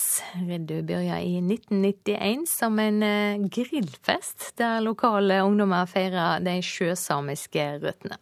25 år senere trekker Urfolkfestival artister og publikum fra hele verden. Og reporter i Mandal, Rune Norgård Andreassen, hva venter publikum i jubileumsåret? Jo, Det som bl.a. venter publikum, det er et møte med tre av de fineste stemmene som Sápmi har fostra de siste årene. Katarina Barok, Elina Michaelsen og Maria Mortensson samarbeider om kveldens åpningskonsert Riddo Sessions. Den største stjerna i svensk, Sápmi Sofia Jannok, skal holde konserter. Det samme skal den chilenske rapperen Anna Tio, og ikke minst rockebandet Violet Road, som har sine sjøsamiske røtter nettopp her i Kåfjord. Festivalsjef Karoline Trollvik Lichko Beivin, gratulerer med 25-årsjubileet. Hva er grunnen til at Riddok hvert eneste år trekker publikum og artister til bitte lille Mandalen? Jeg tror det er en kombinasjon av at vi eh, jobber steinhardt med å lage et program som eh, skal være interessant for mange. Eh, vi har artister som, som ikke står på så mange andre scener i Norge. Og vi er på en utrolig vakker plass, Mandalen. Og så er vi en av de få festivalene i Europa som har et fokus på urfolk på internasjonalt eh, urfolkssamarbeid og booke urfolksartister fra hele verden. Og det tror jeg mange eh, anerkjenner, mange syns er interessant, ønsker å ta en del av, ønsker å, eh, ja, å lære av alle de fantastiske menneskene vi har samla her. Riddo starta jo som en lokal grillfest hvor ungdommene i bygda skulle feire sine sjøsamiske røtter. Eh, men så ser du hvor stort det har blitt 25 år senere. Eh, hva slags betydning har Riddo hatt for revitaliseringa av den samiske kulturen her i, i Nord-Troms? Eh, jeg tror nok den har vært veldig, veldig viktig. Kanskje spesielt altså for samisk kultur generelt. For oppblomstringa av unge samiske artister tror jeg Riddu har vært jeg vet ikke om man kan si essensiell, men i alle fall en av de viktigste på, eh, pådriverne. Fordi, fordi, vi har eh, tatt opp unge talenter eh, raskt. Vi har ønska å synliggjøre unge samiske kunstnere og gi dem en scene å stå på og utvikle seg. Eh, og den har vært ekstremt viktig for ungdommer, eh, for barn og unge, og òg voksne, som, eh, som, har en tilhørighet til det samiske, men som har, som har følt følt urolighet rundt det, eller følt det vanskelig å på en måte eh, ta, en, ta, del i den kulturen. Da. Der har Riddo vært en arena der, der, du kan utforske identiteten din. Du kan vi må stoppe der. Takk til Karoline Trollvik, som altså leder Riddo Riddo-festivalens 25-årsfeiring her i Mandalen. Ja, Det sa reporter Rune Någård Andreassen. Allerede før den offisielle lanseringa i Norge har mange lasta ned mobilspillet Pokémon Go. Og det får utslag også i det virkelige liv. Nå leker Den norske turistforening allerede med tanken på guida turer med spillet, som sender folk utendørs for å fange digitale, dyreliknende vesen. Her er det noen pokestops, og det er noen Pokémon rundt omkring, så jeg tenker vi må bare smelle opp mobilen og se hva vi finner. Henrik Hildre ser seg selv på et kart i en virtuell verden på mobilen. Pokémon Go heter spillet og har allerede fått mange brukere i Norge. Og det før spillet er lansert i landet. Akkurat her så har vi noe som heter et pokestopp. Og så swiper jeg på det ikonet, og da fikk jeg noen pokerballer. Men eh, hva er poenget med å samle på disse tingene? Det er jo veldig gøy, da. Dette er jo liksom barndomsdrømmen. Å kunne bevege seg rundt og fange disse tingene. Så hvis du skal ha ting i det spillet her, så må du faktisk bevege deg fysisk rundt til de faktiske stedene for å finne dem. Det gleder Tina Skare, rådgiver for ungdom og friluftsliv i Den norske turistforening. Hun forteller at de allerede har planlagt Pokémon Go-turer til høsten. Jeg tror eh, arrangementer og turer som Pokémon Go-turer kan øke interessen for friluftsliv Eh, fordi at det når ut til en målgruppe som i utgangspunktet kanskje ikke tenker på friluftsliv som sin type aktivitet. Og vi har lyst til å vise den gruppa at det kan være gøy å komme seg ut, og at man kan eh, oppleve friluftsliv på en annen måte. Så nå kan vi trykke på den, swipe, og så fikk vi noen baller til. Men det jeg også har hørt fra venner og bekjente og lest på internett, er at dette har en utrolig effekt på folk med depresjon, som sliter med å stå opp om morgenen og komme seg ut og ikke ser noen grunn til å forlate hjemmet sitt, egentlig. Nå må de det hvis de skal fange Pokémon. Skari DNT er enig og mener slike spill kan bedre helsen. Pokémon GO er jo et eksempel på en type aktivitet som kan eh, få de som sitter inne og spiller, til å komme seg mer ut, eh, og også gi en økt eh, helsegevinst. Men du, Nå har vi gått et lite stykke. Vi kjenner allerede pulsen begynner å ja. gå opp, og vi nærmer oss denne gymmen din. Det er jo et konkurranseelement ved det også. Du har noe som heter poker gyms rundt omkring i den fysiske verden. Og det er eh, steder som ett av tre lag regjerer over. Du må rett og slett ta det, fordi rødt lag holder deg. Og det, det, det kan vi ikke la være. Hvilket lag er du på? Jeg er på blå, selvfølgelig. Så blå nå skal vi bort dit, og hva kan vi bidra med bortpå der? Nei, vi, er, vi, er å, vi er nødt til å kjempe mot han fyren her. Miko 0XD. Mens Hilde kjemper mot gymmen, kjemper Datatilsynet for personvernet til brukerne. Selv om reglene ble strammet inn for bare et par dager siden, oppfordrer juridisk rådgiver Tobias Judin brukerne om å være varsomme. Appen samler inn hvor du er, eh, hva du gjør. Eh, og selv om du prøver å slette brukerkontoen din, så er det ikke sikkert at det faktisk slettes. De kan ta vare på sikkerhetskopier. Eh, opplysningene er også tilgjengelig i USA og er underlagt amerikansk lovgivning, som betyr at de ikke har et like godt vern som de ville hatt her i Norge. Hva er det som er skummelt med det du sier nå? Hva er det man må passe på? Altså, jeg tenker at Først og fremst så får hver enkelt en eh, tenke over hva det her innebærer, og, og, velge om de vil ta den risikoen eller ikke. Men i verste fall så kan jo denne, disse opplysningene komme på avveie, eh, og det kan bli brukt på en måte som du kanskje ikke hadde forutsett Henrik Hildre er ikke fullt så skeptisk. Det er jo mye å si om personvernhensynene til alle amerikanske apper, egentlig. Det er jo selvfølgelig dumt at de skal ha tilgang til alt, eh, men samtidig så skal jo også Facebook det. Eh, jeg har ikke følelsen av at Pokémon er noe verre, i hvert fall. Vi må rett og slett gå helt borti den. Vi nærmer oss gymmen, og Hildre gjør seg klar til kamp om territoriet. Og så må vi utfordre den med en av våre Pokémon, og slåss. Så nå er vi i kamp, vi? Nå er vi straks i kamp, her. Og Da kommer du inn i en arena, så, det, så må du spam-klikke en god del. Da vant vi. Nå er jeg gymleder på Barnekunstmuseet. Reporter her Karoline Berge Hammersmark. Og dette mobilspillet har altså allerede jaga mange ut av stovene og ut på gatene for å jakte digitale dyr. Et eh, sosialt fascinerende fenomen, sier vår melder Andreas Hatzel Opsvik.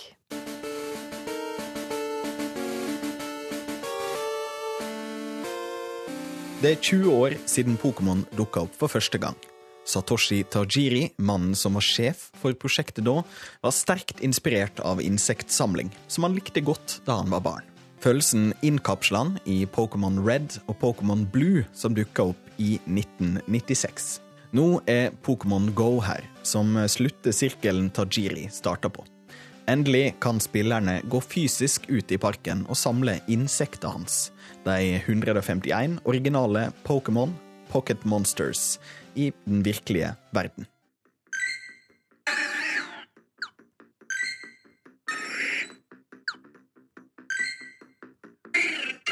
Spillet er i snakkende stund ikke offisielt sluppet i Norge enda, men har allerede tatt helt av. Det vi har fått, er noe som har ei fantastisk evne til å motivere folk til å gå rundt og ta omveier for å plukke med seg rare dyr som bor inni en ball. Men som egentlig er et ganske enkelt og funksjonstomt spill. I stedet for å sitte i ro og mak og samle Pokémon i den virtuelle verden, er du i Pokémon Go nødt til å bevege deg. Spillet er i bunn og grunn en kartapp eh, med GPS, men har et lag med augmented reality over seg som bruker attraksjoner, parker og gater som åsted for denne monsterjakta. Dessverre er appen i seg sjøl egentlig litt for enkel. Kartlaget er velfungerende, og basert på GPS-dekninga di leiter du etter dyra du kan se nederst i hjørnet. Fanging av Pokémon er enkelt løst ved at du sveiper fingeren for å kaste pokerballen mot et bestemt punkt, men det er ikke særlig dybden, annet enn at eh, dess høyere combat power et monster har, dess vanskeligere er det å holde på det. Ei faktisk norgeslansering er nok like om hjørnet, så snart eh, Niantic og Nintendo får kjølt ned systemene sine. Men inntil da er den dessverre plaga av gjentatte krasj og stoppa spillsesjoner. Niantic, det tidligere Google-eide selskapet, har fra før lagd ingress som tar utgangspunkt i mye det samme rutenettet av attraksjoner. Og der attraksjonene og punkter, gjerne innrapportert av brukere, har blitt plasser du kan plukke med deg pokerballer fra eller legge ut lokkemat. Som et alternativ til å kjøpe det for penger fra spillets egen butikk. Pokémon Go har allerede blitt et fenomen som jeg mistenker kan få fart på mange bein som vanligvis ville vært litt roligere i sommervarmen, inkludert mine egne. Spillets potensial er nesten uendelig når det gjelder motivasjon for å gå ut og sprette. Når det likevel får terningkast fire, er det ikke fordi det er et dårlig spill, men fordi det hittil er svært begrensa både i funksjoner og interaktivitet. Det kan godt være denne anmeldelsen vil være utdatert om noen måneder. Niantic har allerede sagt at spillet kommer til å bli utvikla i to ukers perioder, og mulig få tillagt nye funksjoner og system. Muligheten for direkte monsterkamp eller monsterbytte mellom spillerne er den åpenbare, men det er mye å plukke fra i Pokémon-verden. Men akkurat nå er det beste med Pokémon Go det som foregår utenfor selve spillet. At venner og fremmede møtes, går tur og preiker om Pokémon åstedet for verdens mest harmløse og barnevennlige hanekamper. Terningkast fire. Ja, fra digitale vesen skal vi over til virkelige fugler. I alpelandet Sveits har fiskeørner vært utrydda i over 100 år. Nå skal norske fiskeørnunger være med på å skape en ny sveitsisk fiskeørnstamme. Det er fredelig i skogen i Råde når ornitolog Rune Aa har med seg to kolleger fra Sveits på tur. Men fra luften er det noen som følger med. Det er mora, Hoa, som da sitter og passer på reiret. Og det har hun god grunn til å gjøre. Nå skal vi eh, opp i det treet vi har bak her, og der er det fiskeørn med tre unger. Og vi skal sette ring på to av dem, og skal vi ta med den siste ned, for den skal til Sveits. Før flytting må ornitologen hente fuglen ned fra reiret i toppen av furua. 14 meter, kanskje? 15 meter? Noe sånt. Så har det en fin liten bue på seg, så det, det kan jo bli artig. Jeg har ikke klatra det treet her før. Etter en liten klatretur når han toppen. Virkelig nydelig utsikt oppe her. Jeg skjønner godt at uh, fiskeørna har plukka ut et sånt plass. Sånn, så skal du bli med ned. Den heldige som skal bli med til Sveits. Med trygg grunn under beina kan han ta fram det som forhåpentligvis er en frisk hannørn. Den har som eneste rovfugl evne til å snu ene kloa si bakover, så den har to forover og to bakover for å holde fisken. da.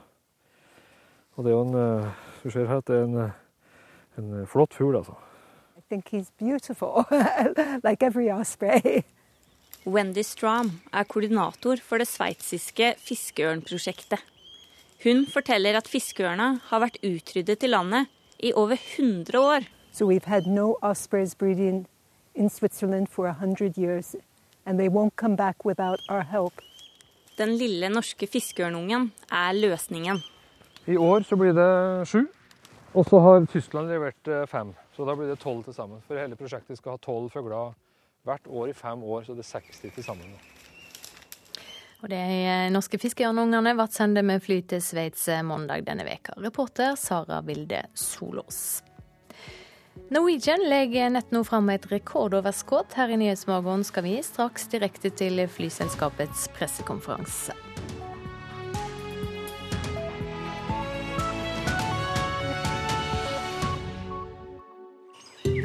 Sommer i P2. Jeg heter Elisiv Lindqvist. Jeg er forfatter, og i Sommer i P2 i dag avslører jeg ei fortid som gatepoet og vokalist i gruppa Poetmos. Jeg skal også snakke om det dobbelte blikket, og selvfølgelig noe om feminisme. Sommer i P2. I dag klokken ti.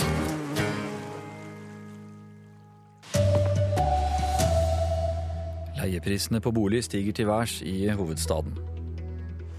Krisen i Venezuela blir verre. Presidenten har satt inn militæret for å sikre matforsyningen. Her er NRK Dagsnytt klokka 8.30. Høye leiepriser gjør at mange sliter med å finne et sted å bo, ifølge Leieboerforeningen. Det er vanskeligere å komme seg inn på utleiemarkedet i Oslo på sommeren. Bare i juni måned økte leieprisene på ettroms med 7,2% fra forrige måned, viser tall fra utleiemegleren. Daglig leder i Leieboerforeningen, Lars Aasen, sier det er mange som tar kontakt med dem og er bekymret for eh, de høye prisene. Det er veldig dyrt, og det er mange som uh, har problemer med å betale det det koster. Og vi vet jo at de som leier, ikke er de som har de beste inntektene som regel. Det er altså mange unge, men også en del som bare har dårlig råd. Hvordan påvirker denne prisutviklinga folk sin levekår? De må jo stramme inn på andre områder, da. Og eh, når man har lite fra før av, så er liksom ikke, det er ikke så mange knapper å ta inn på, på beltet livreima, så det blir veldig tøft. Det vi ser er jo at eh, de flytter til mindre leiligheter, og vi ser også at eh, en økende tendens til at voksne, eldre folk bor i bofellesskap. Lars Aasen i Leieboerforeningen eh, ble intervjuet av Silje Sande. Den økonomiske og politiske krisen i eh, Venezuela blir eh, stadig verre. I går satte presidenten inn militære for å sikre matforsyningen. På søndag så åpnet de grensa til nabolandet Colombia i tolv timer. Mange drar til nabolandet for å få tak i mat og medisiner, forteller journalist og Venezuela-kjenner Eirik Wold. Det som har skjedd, er at man innførte masse reguleringer, prisreguleringer, eh, makspriser, som gjør det veldig ulønnsomt for mange å produsere og mange å selge. Og så selges det til priser som gjør det veldig lønnsomt for smuglere å ta det med seg og kjøpe stort fra Venezuela og, og smugle det til Colombia. Det er kanskje en av verdens største smuglerindustrier i dag. Det ryktes at det å smugle subsidiert mat, bensin, og medisiner fra Venezuela til Colombia, det er blitt så lønnsomt at til og med colombianske kokainkarteller har slutta med kokain og heller, og heller smugler maismel. og det, det, sier ganske mye. Så her er det en gigantisk strøm som går fra Venezuela og til Colombia, fordi venezuelansk valuta har vært så lite at det er ekstremt billig å kjøpe alt der. der. Så Det er hovedsaken i det problemet. Så det du finner i Colombia, er venezuelanske produkter, stort sett. Over 3000 turister er evakuert fra fire brannrammede campingplasser i Torrey ved kysten av Sør-Frankrike. En brannmann har omkommet, og tre andre er um, alvorlig skadd. NRK Dagsnytt, Anders Borgen Werring. Folkehelseinstituttet har regna ut at det er mellom 4500 og 5000 mennesker som lever med hiv-infeksjon i Norge. En av dem er 36 år gamle Camilla Tobekk, bosatt i Kongsvinger. For eh, ti år siden eh, så hun for seg et liv alene da det ble klart at hun var hiv-smitta. Slik eh, ble det ikke, men fordommene lever fremdeles. Jeg hadde sett for meg et liv alene hvor jeg skulle bo i leilighet med bare katter og ikke ingen som ville ha noe med meg å gjøre, men det viste seg heldigvis å være annerledes. Det forteller Camilla Tobekk, i 2006 mottok hun et anonymt brev om at hun burde sjekke seg for hiv. Eh, det øyeblikket som jeg fikk det brevet, så tenkte jeg jo Jeg har jo sikkert ikke fått hiv, jeg. Men jeg ble jo redd. Og jeg ble jo kjemperedd for at jeg kunne ha smittet han jeg da skulle gifte meg med, da. Så vi dro begge to sammen for å teste oss. Og da testet jeg positivt, men han testet negativt, da. Ti år etter husker Camilla godt reaksjonen sin da hun fikk beskjeden om at hun var hiv-positiv. Jeg tror jeg gikk inn i sjokk. Det jeg husker, det var sykepleieren som kom inn på rommet med tårer i øynene og sa at testen er positiv. Og så skjønte ikke jeg når hun sa positiv. Det er jo egentlig en bra ting. Så jeg var veldig sånn forvirra, da. Men jeg skjønte jo at dette ikke er bra, for hun så veldig lei seg ut. Og da bare stoppet det egentlig å være fornuftige tanker i hodet mitt og bare surret det rundt hiv, hva er det, skal jeg dø, hva skjer nå? I 2011 valgte hun å være åpen om situasjonen sin. Da hadde hun blogget anonymt bak jenta med hiv.blogg.no i et års tid. Her skriver hun om hvordan det er å være hiv-positiv kvinne, med de utfordringer og fordommer hun møter på i samfunnet. Det er faktisk veldig få kvinner som er åpne. Og jeg savnet veldig en som jeg kunne på en måte relatere meg til da jeg trengte det. da. Mm. Så da bestemte jeg meg for å gjøre det. Camilla kjenner flere hiv-positive som velger å holde det skjult. Noe hun godt kan forstå, da det er mye fordommer mot hiv i samfunnet. Egentlig så, så opplever jeg fortsatt en del, dessverre, fordomsfull behandling når jeg f.eks. er i helsevesenet, syns jeg det er overraskende lite kompetanse.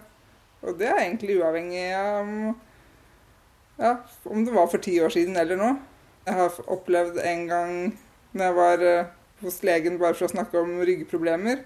Og så Da spør de om går du på medisiner og sånn. Så sier jeg ja, jeg går på disse medisinene, det er for hiv.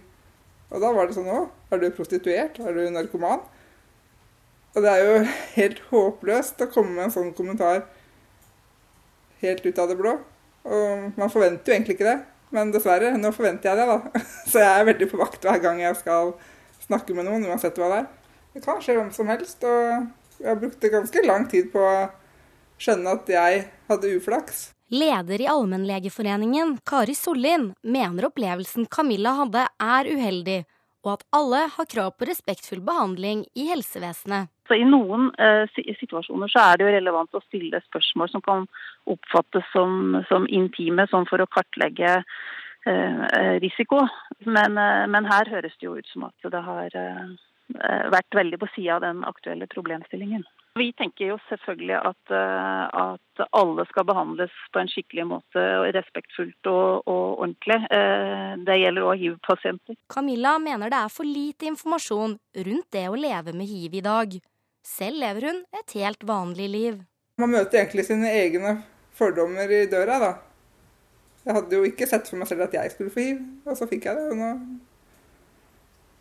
har jeg jo lært meg at at det går an å leve med hiv som et vanlig menneske. Nå er det stille og rolig, et vanlig liv. Jeg hadde på en måte ikke sett for meg at jeg skulle ha det så bra som jeg har det nå da. Da falt hele livet i grus. Så at jeg nå er gift med en fantastisk mann og fått en fantastisk sønn, det kan jo ikke bli bedre. Og du kan eh, lese mer om denne saka på nrk.no. Reporter Madeleine Liering. Oslo-politiet har i dag tidlig gått til aksjon mot flere leirer av bostadløse i Ekeberg-området i skogen. Like utenfor sentrum har det den siste tida bodd heimløse i telt og under presenninger. Det var ved femtida i dag tidlig at de ble vekta av politifolk som ba dem om å forlate området.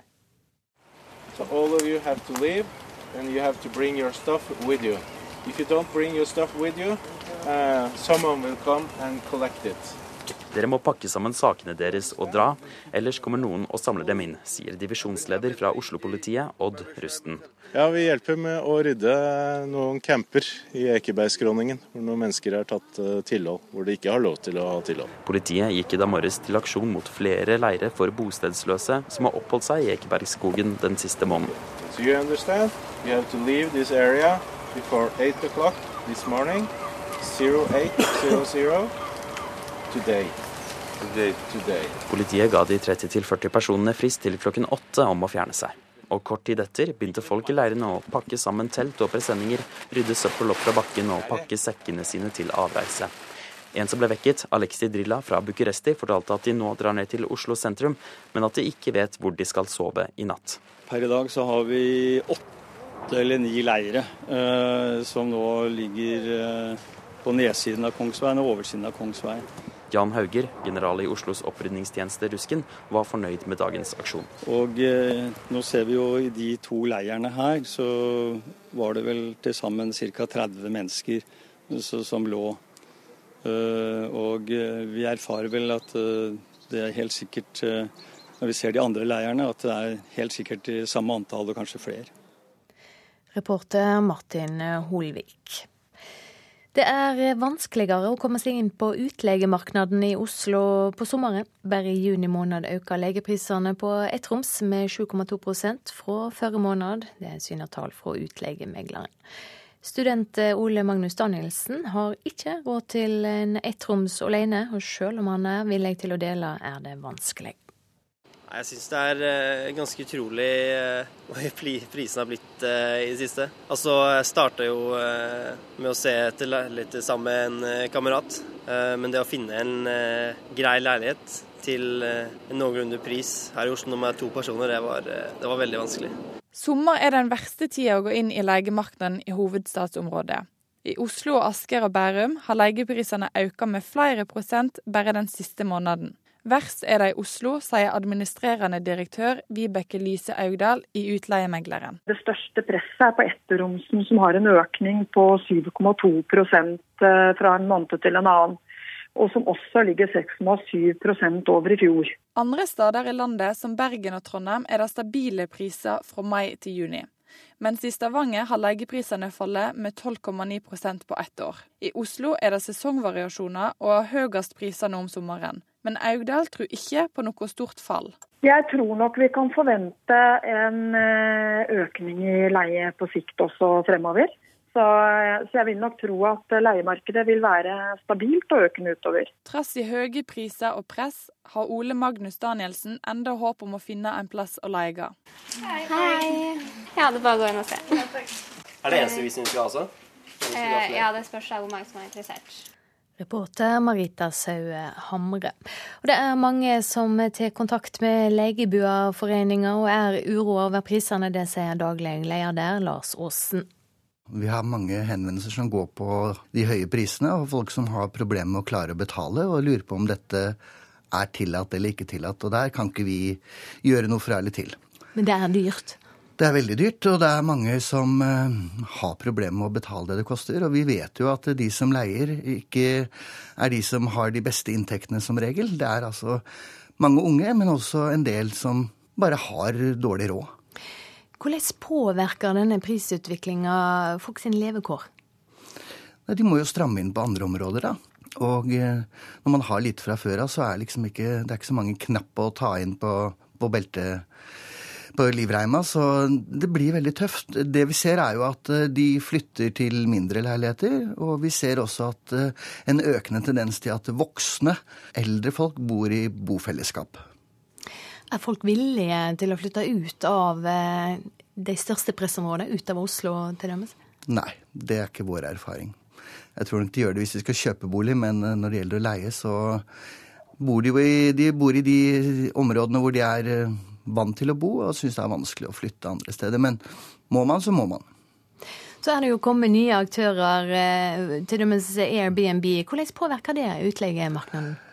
Vi er litt eh, engstelige for hvordan Airbnb kan slå ut. Nå har vi ikke sett noe spesielt uh, i Norge ennå, men vi vet at en lang rekke andre storbyer nå har innført strenge reguleringer på Airbnb, nettopp fordi at dette her slår ut uheldig på leiemarkedet tidligere ordinære utleieboliger blir tatt ut og gjort om til ferieboliger. Og vi ser også at eh, man istedenfor å leie ut på normale vilkår, så leier man ut på Airbnb. Altså Da har jo ikke leieboer noen rettigheter, og det er ofte mye dyrere. Så vi tenkte at vi skulle se om vi kunne få myndighetene til å dra opp noen grenseoppganger for hva er forskjellen på Airbnb og ordinær leie. Nå er jo studentene på vei inn straks. Hva råd har du til folk som, som kommer og er på jakt etter en stad å legge? Man skal være nå, prøve å være tålmodig. Det er vanskelig selvfølgelig hvis man kommer og skal starte et studie, men eh, bo heller på sofaen hos en venn. Eh, bo hos en tante. Gjør et eller annet. fordi at normalt så roer det seg nedover, eller roer seg utover høsten. Og vi har typisk veldig mange som binder seg inn i forferdelig dyre kontrakter, og som ikke kommer ut av dem på høsten. Så ha is i magen. Det pleier å gå. Hovedsaken nå her i Nyhetsmorgen. Den nye britiske statsministeren har begynt jobben med å samle britene. Mange er spente på hvordan brexit-general Boris Johnson vil bli som utenriksminister. Mer om det straks. Den indiske IT-giganten Tata avviser påstander om sosial dumping på norske arbeidsplasser. Og Oslo-politiet har i dag tidlig gått til aksjon mot flere leirer av bostadløse i Ekeberg-området. Reaksjonene i Storbritannia let ikke vente på seg etter at den nye regjeringa ble presentert i går. Statsminister Teresa May overraska mange med å utpeke brexit-general Boris Johnson som utenriksminister. Reporter Gry Blekastad Almås i London sier mange er sjokkerte over valget. På sosiale medier så uh, uttrykkes det frykt for at Storbritannia uh, framover nå blir latterliggjort. Uh, viser til Boris Johnsons litt eksentriske personlighet og hans noe udiplomatiske uttalelser han har kommet med um, fra tidligere. Det er interessant å se også uh, avisenes overskrifter, og særlig da de avisene som politisk er på den andre siden. The Daily Mirror har i dag et stort bilde av Boris Johnson hengende i en line over Themsen fra den gang for noen år siden han åpnet en taubane eh, over Londons eh, elv, eh, hvor han ble hengende fast i en komisk posityr. 'Dear World, sorry' er overskriften. Kjære verden, vi beklager. Til Venezuela nå, der den økonomiske og politiske krisa bare blir verre og verre. I går satte presidenten inn militæret for å sikre matforsyninga. På søndag åpna de grensa til nabolandet Colombia i tolv timer. Mange drog eh, over grensa for å få tak i mat og medisiner, forteller journalist og Venezuela-kjenner Eirik Wold. Ja, akkurat det med eh, Colombia er litt ironisk. For problemet med Venezuela her er at det er importavhengig og importerer 70% av maten. Minst, vil jeg tro. Eh, det kan variere litt. Men, eh, men, det som har skjedd, er at Venezuela har altså Man innførte produksjons... Man innførte masse reguleringer. Prisreguleringer, makspriser. Som gjør det veldig ulønnsomt for mange å produsere og mange å selge. Og så selges det til priser som gjør det veldig lønnsomt for smuglere å ta det med seg og kjøpe stort fra Venezuela og, og smugle det til Colombia. Det er det er kanskje en av verdens største smuglerindustrier i dag. Det ryktes at det å smugle mat, bensin, subsidiert mat, bensin og medisiner fra Venezuela til Colombia, det er blitt så lønnsomt at til og med kokainkartellene, colombianske kokainkarteller, har slutta med kokain og heller, og heller smugler eh, maismel. Og det, det, sier ganske mye. Så her er det en gigantisk strøm som går fra Venezuela og til Colombia, fordi venezuelansk valuta har vært så lite at det er ekstremt billig å kjøpe alt der. der. Så Det er hovedsaken i det problemet. Så det du finner i Colombia, er venezuelanske produkter, stort sett. Nå har eh, Maduro kobla inn det militære for å sikre matforsyning. Eh, kan det komme et, et opprør her etter hvert? Eh, jeg tror ikke det blir noe mer matforsyninger av uansett hvor mye militære man setter inn nå i Venezuela. Det eneste som kan hjelpe på, det er økt produksjon, og det tar lang tid, eller at oljeprisen øker. Men, men et opprør, det er altså I de 14 årene jeg har fulgt venezuelansk politikk veldig nøye, så tror jeg ikke siden den tiden rundt uh, militærkuppet i 2002 har det vært så uoversiktlig og uforutsigbart som nå. Så mye kan skje. Men, men samtidig så, så, vet jeg at selv om misnøyen med situasjonen og med regjeringens håndtering av situasjonen er veldig veldig stor, så er det også et veldig stort flertall som ønsker at dette her skal, på, på begge sider av den politiske splittelsen, som ønsker at dette her skal få en, en fredelig og demokratisk løsning. Altså ikke et kupp, ikke et eh, opprør. Flyselskapet Norwegian fikk et overskudd før skatt i andre kvartal i år på 930 millioner kroner. Det er mer enn dobbelt så mye som i samme periode i fjor. Og reporter Line Tomter, du har fulgt pressekonferansen der eh, tallene ble lagt fram. Hva skyldes overskuddet? Ja, Det er jo at omsetningen i flyselskapet øker ganske mye. Den økte faktisk med 13 det siste året. Og Norwegian-sjef Bjørn Kjos han er på plass her. Han har naturlig nok gått veldig godt fornøyd med med, med dette resultatet. Og En ting som uh, viser at uh, selskapet synes å drive veldig godt akkurat nå, er at det er et belegg på hele 88 på flyene. Det er gjennomsnittet 88% Og et så høyt belegg har det aldri vært på flyene til Norwegian tidligere. Så etter en vår og sommer med veldig mye uroligheter, krangel med piloter osv., så, videre, så føles nok dette som en veldig god dag for Bjørn Kjos. La selskapet fram flere nyheter, Line? Ja, i morges kom det også med en annen nyhet. er At de skal begynne å fly disse Airbus-flyene nå på mellomdistanse, mellomdistansene. Eh, tidligere har de sagt at de bare vil holde seg til én flytype, så dette er en sånn ganske stor nyhet i flybransjen. Eh, så ennå, eh, Bjørn Kjos er ennå ikke ferdig med denne presentasjonen sin, men vi skal snakke med ham etterpå, så får vi høre om, eh, om han har enda noen godbiter til oss her. Han, eh, det virker som han kanskje trengte, trengte dette gode tallet i dag. Altså, for det har jo vært også mye eh, kostnader knyttet til eh, alle disse passasjerene som ikke har fått kommet av gårde når de skal, fordi flyene er innstilt.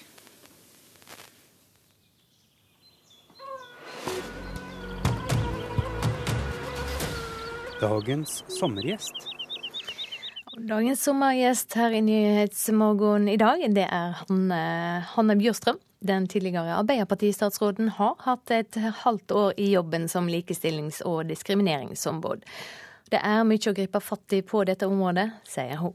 Vi vet at kvinner tjener lavere enn menn, hovedsakelig fordi de jobber i stillinger som er dårligere betalt. Og det er jo det kjønnsdelte arbeidsmarkedet vårt. Og så vet vi at kvinner jobber veldig mye mer deltid enn menn. Eh, mye er eh, frivillig, men noe er også ufrivillig.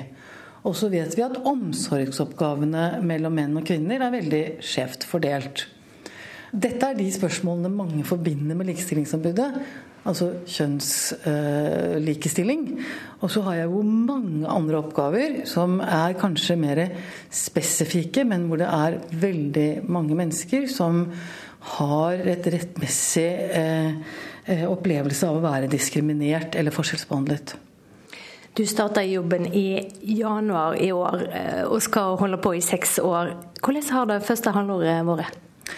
Veldig utfordrende. Veldig mye å lære. Ehm, jeg har lært at mange ting jeg trodde var helt i orden i det norske samfunnet, ikke er det. At det er mange grupper som går under radaren for eh, det politiske establishment, for å si det sånn. Eh, og at eh, jeg har en stor viktig oppgave, og veldig flinke og dyktige medarbeidere til å jobbe for meg og sammen med meg. Hvilke grupper tenker du på da? Det jeg kanskje aller først har lyst til å si, er noe som har skjedd nå i forbindelse med flyktningstrømmen fra Europa så ser vi at det har utviklet seg en veldig sterk holdning om oss og dem. I vår eh, iver etter å sørge for at vår velferdsstat ikke skal være truet, og det er jo en argumentasjon man kan forstå, så lages det fra politiske nivå og debatter i det offentlige et veldig fiendebilde av grupper som er ikke norske. Og det gjør noe med samfunnet som jeg er veldig bekymret over. Jeg tror veldig mange mennesker i dette samfunnet, inkludert kanskje deg og meg, blir så kodet inn med holdninger om at noen skal komme og, og ødelegge vårt samfunn, at det gjør noe med oss. Vi må klare å ha to ting i hodet eh, samtidig. Vi må klare å se eh, de utfordringene det er når det kommer mange mennesker som ønsker å bosette seg i Norge. Og vi må klare å se fordelene med det, og vi må klare å kommunisere på en god måte at dette er mennesker som deg og meg, og som skal behandles på en ordentlig og skikkelig måte. Om vi skal snakke om likestilling, da. Ehm, er norske kvinner så likestilte som vi tror? Nei og ja. Norge er jo et av verdens mest likestilte samfunn, og det skal vi være veldig stolt av. Og i det store og hele så fungerer eh, Norge bra også i forhold til likestilling mellom kvinner og menn. Det vi ikke må glemme, er at det, eh, det er mange kvinnegrupper i Norge som ikke er liksom innenfor den, den likestillingen vi, vi, ofte smykker oss med. Vi har jo store grupper ikke-etnisk norske kvinner som vi vet sliter på å komme inn i arbeidslivet. Når man ikke er i arbeidslivet, så sliter man økonomisk. Man mangler økonomisk selvstendighet selvstendighet. Og man blir veldig offer for den patriarkalske strukturen i det hjemmet man er i. Og så vet vi noe som jeg er veldig opptatt av. Vi vet at veldig mange jenter opplever kontroll fra sitt eh, nærmiljø. Noe som gjør at det blir vanskeligere for dem å være en del av et sosialt miljø, vanskeligere for dem å være en del av idrett, være en del av kulturliv, sosialt liv. Og så ser vi at mye av samfunnets fokus er på at veldig mange jenter nå gjør det veldig bra. Særlig jenter av eh, foreldre som har innvandret til Norge. Vi er veldig opptatt av at de blir advokater, leger, eh, psykologer osv. Og, så og det er strålende. Men vi er nok litt raske til å liksom slutte av det at man gjør en akademisk karriere, til at man får de samme forutsetningene som jeg fikk til å velge mitt liv. Og det er mye som tyder på at sånn er det ikke. Og det må vi være opptatt av. Det er også kvinner som vi skal være like opptatt av som eh, når det gjelder tradisjonell likestillingsdiskusjon i Norge. Betyr det at innvandring påvirker likestillingen i negativ retning? Jeg tror det betyr at man har nye utfordringer, og at vi må ha en bredde og en helhet når vi tenker likestilling. At det er ulike utfordringer i ulike grupper. Ja, Det sa likestillings- og diskrimineringsombud Hanne Bjørstrøm.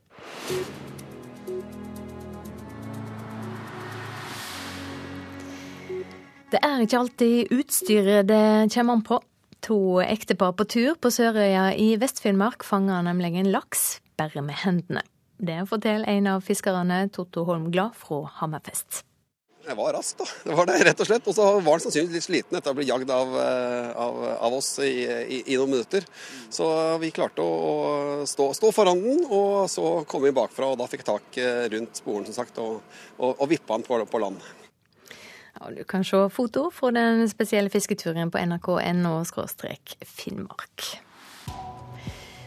Så er det tid for eh, værstatsmeteorolog Jon Smits. Hvordan ligger det an med sommerværet i dag? Ja, Det er litt vekslende, men det er dessverre ganske skya i store deler av landet. Det er noen hederlige unntak her og der hvor det er noen åpninger hvor man kan se sola, men eh, ser vi antall kvadratkilometer i hvert fall, så er det definitivt flest av de som kommer til å være dekket av skyer i hele dag. Og det gjelder også Spitsbergen. Her er det ganske skyet, og her eh, i nord så venter vi at det kan komme litt spredt regn, men det blir ikke de store mengdene.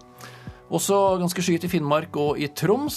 Stort sett vind fra en vestlig eh, retning i disse områdene. Kanskje så mye som liten kuling på kysten nord i Finnmark. Og ja, i hvert fall fra Nordkapp og vestover til sørlig Troms så er det litt regn i de ytre områdene. Ganske lavt skydekke også, kanskje til og med lave tåkeskyer enkelte steder. Og det her fortsetter stort sett gjennom dagen. Temperaturene blir ikke så mye å skryte av, men sånn i hvert fall litt i overkant av ti grader en del steder.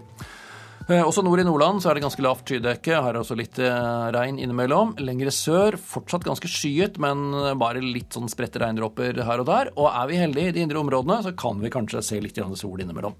Det samme gjelder egentlig Trøndelag og Møre og Romsdal, med ganske så lavt skydekke og litt sånn småregn her og der. Men noen steder litt inn i landet så kan det åpne seg noen hull i skydekket, så man i hvert fall kan få se litt sol. Men eh, å komme noe særlig over 15 grader, det tror jeg kanskje blir vanskelig. Så har vi Vestlandet sør for Stad. Her er det litt mer optimisme å spore.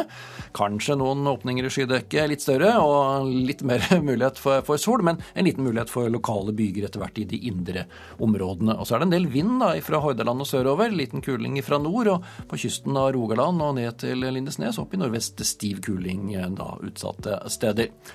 Så gjenstår fjellet og Østlandet, og her er det litt sånn blanda vær. Det er en eller annen sone som begynner omtrent ved Mandal og går langs kysten litt inn i landet, også oppover mot Østfold og over til Sverige, hvor det ser ut som det kan bli en del byggeaktivitet i løpet av dagen i dag, kanskje også torden. Og lenger nordover så er det fortsatt mulighet for noen spredte byger, kanskje særlig vest på Østlandet, men antagelig mindre aktivitet enn det har vært de siste dagene. Kanskje lokal torden og enkelte steder i forbindelse med bygene. Og skydekket varierer litt. Det er noen åpninger som gir håp om perioder med sol, i hvert fall fall, men så er det også en del skyer enkelte steder. Er det håp om litt mer sol og varme etter hvert? Eh, ja. Eh, ser vi på helga, så ser det ut som det lysner, i hvert fall i Nord-Norge. Først i Nordland, senere i Troms og i hvert fall til lørdag, kanskje søndag i Finnmark. Mens eh, her i nord så ja, litt sånn eh, variabelt. Men fredag ser egentlig ut til å bli en bedre dag mange steder her i sør. Takk skal du ha, Jon Smits. Ansvarlig for eh, denne sendinga, Anne Skorseth. Teknisk ansvarlig Frode Thorshaug. Produsent Elise Heisel Asbjørnsen. Og her i studio, Silje Sande.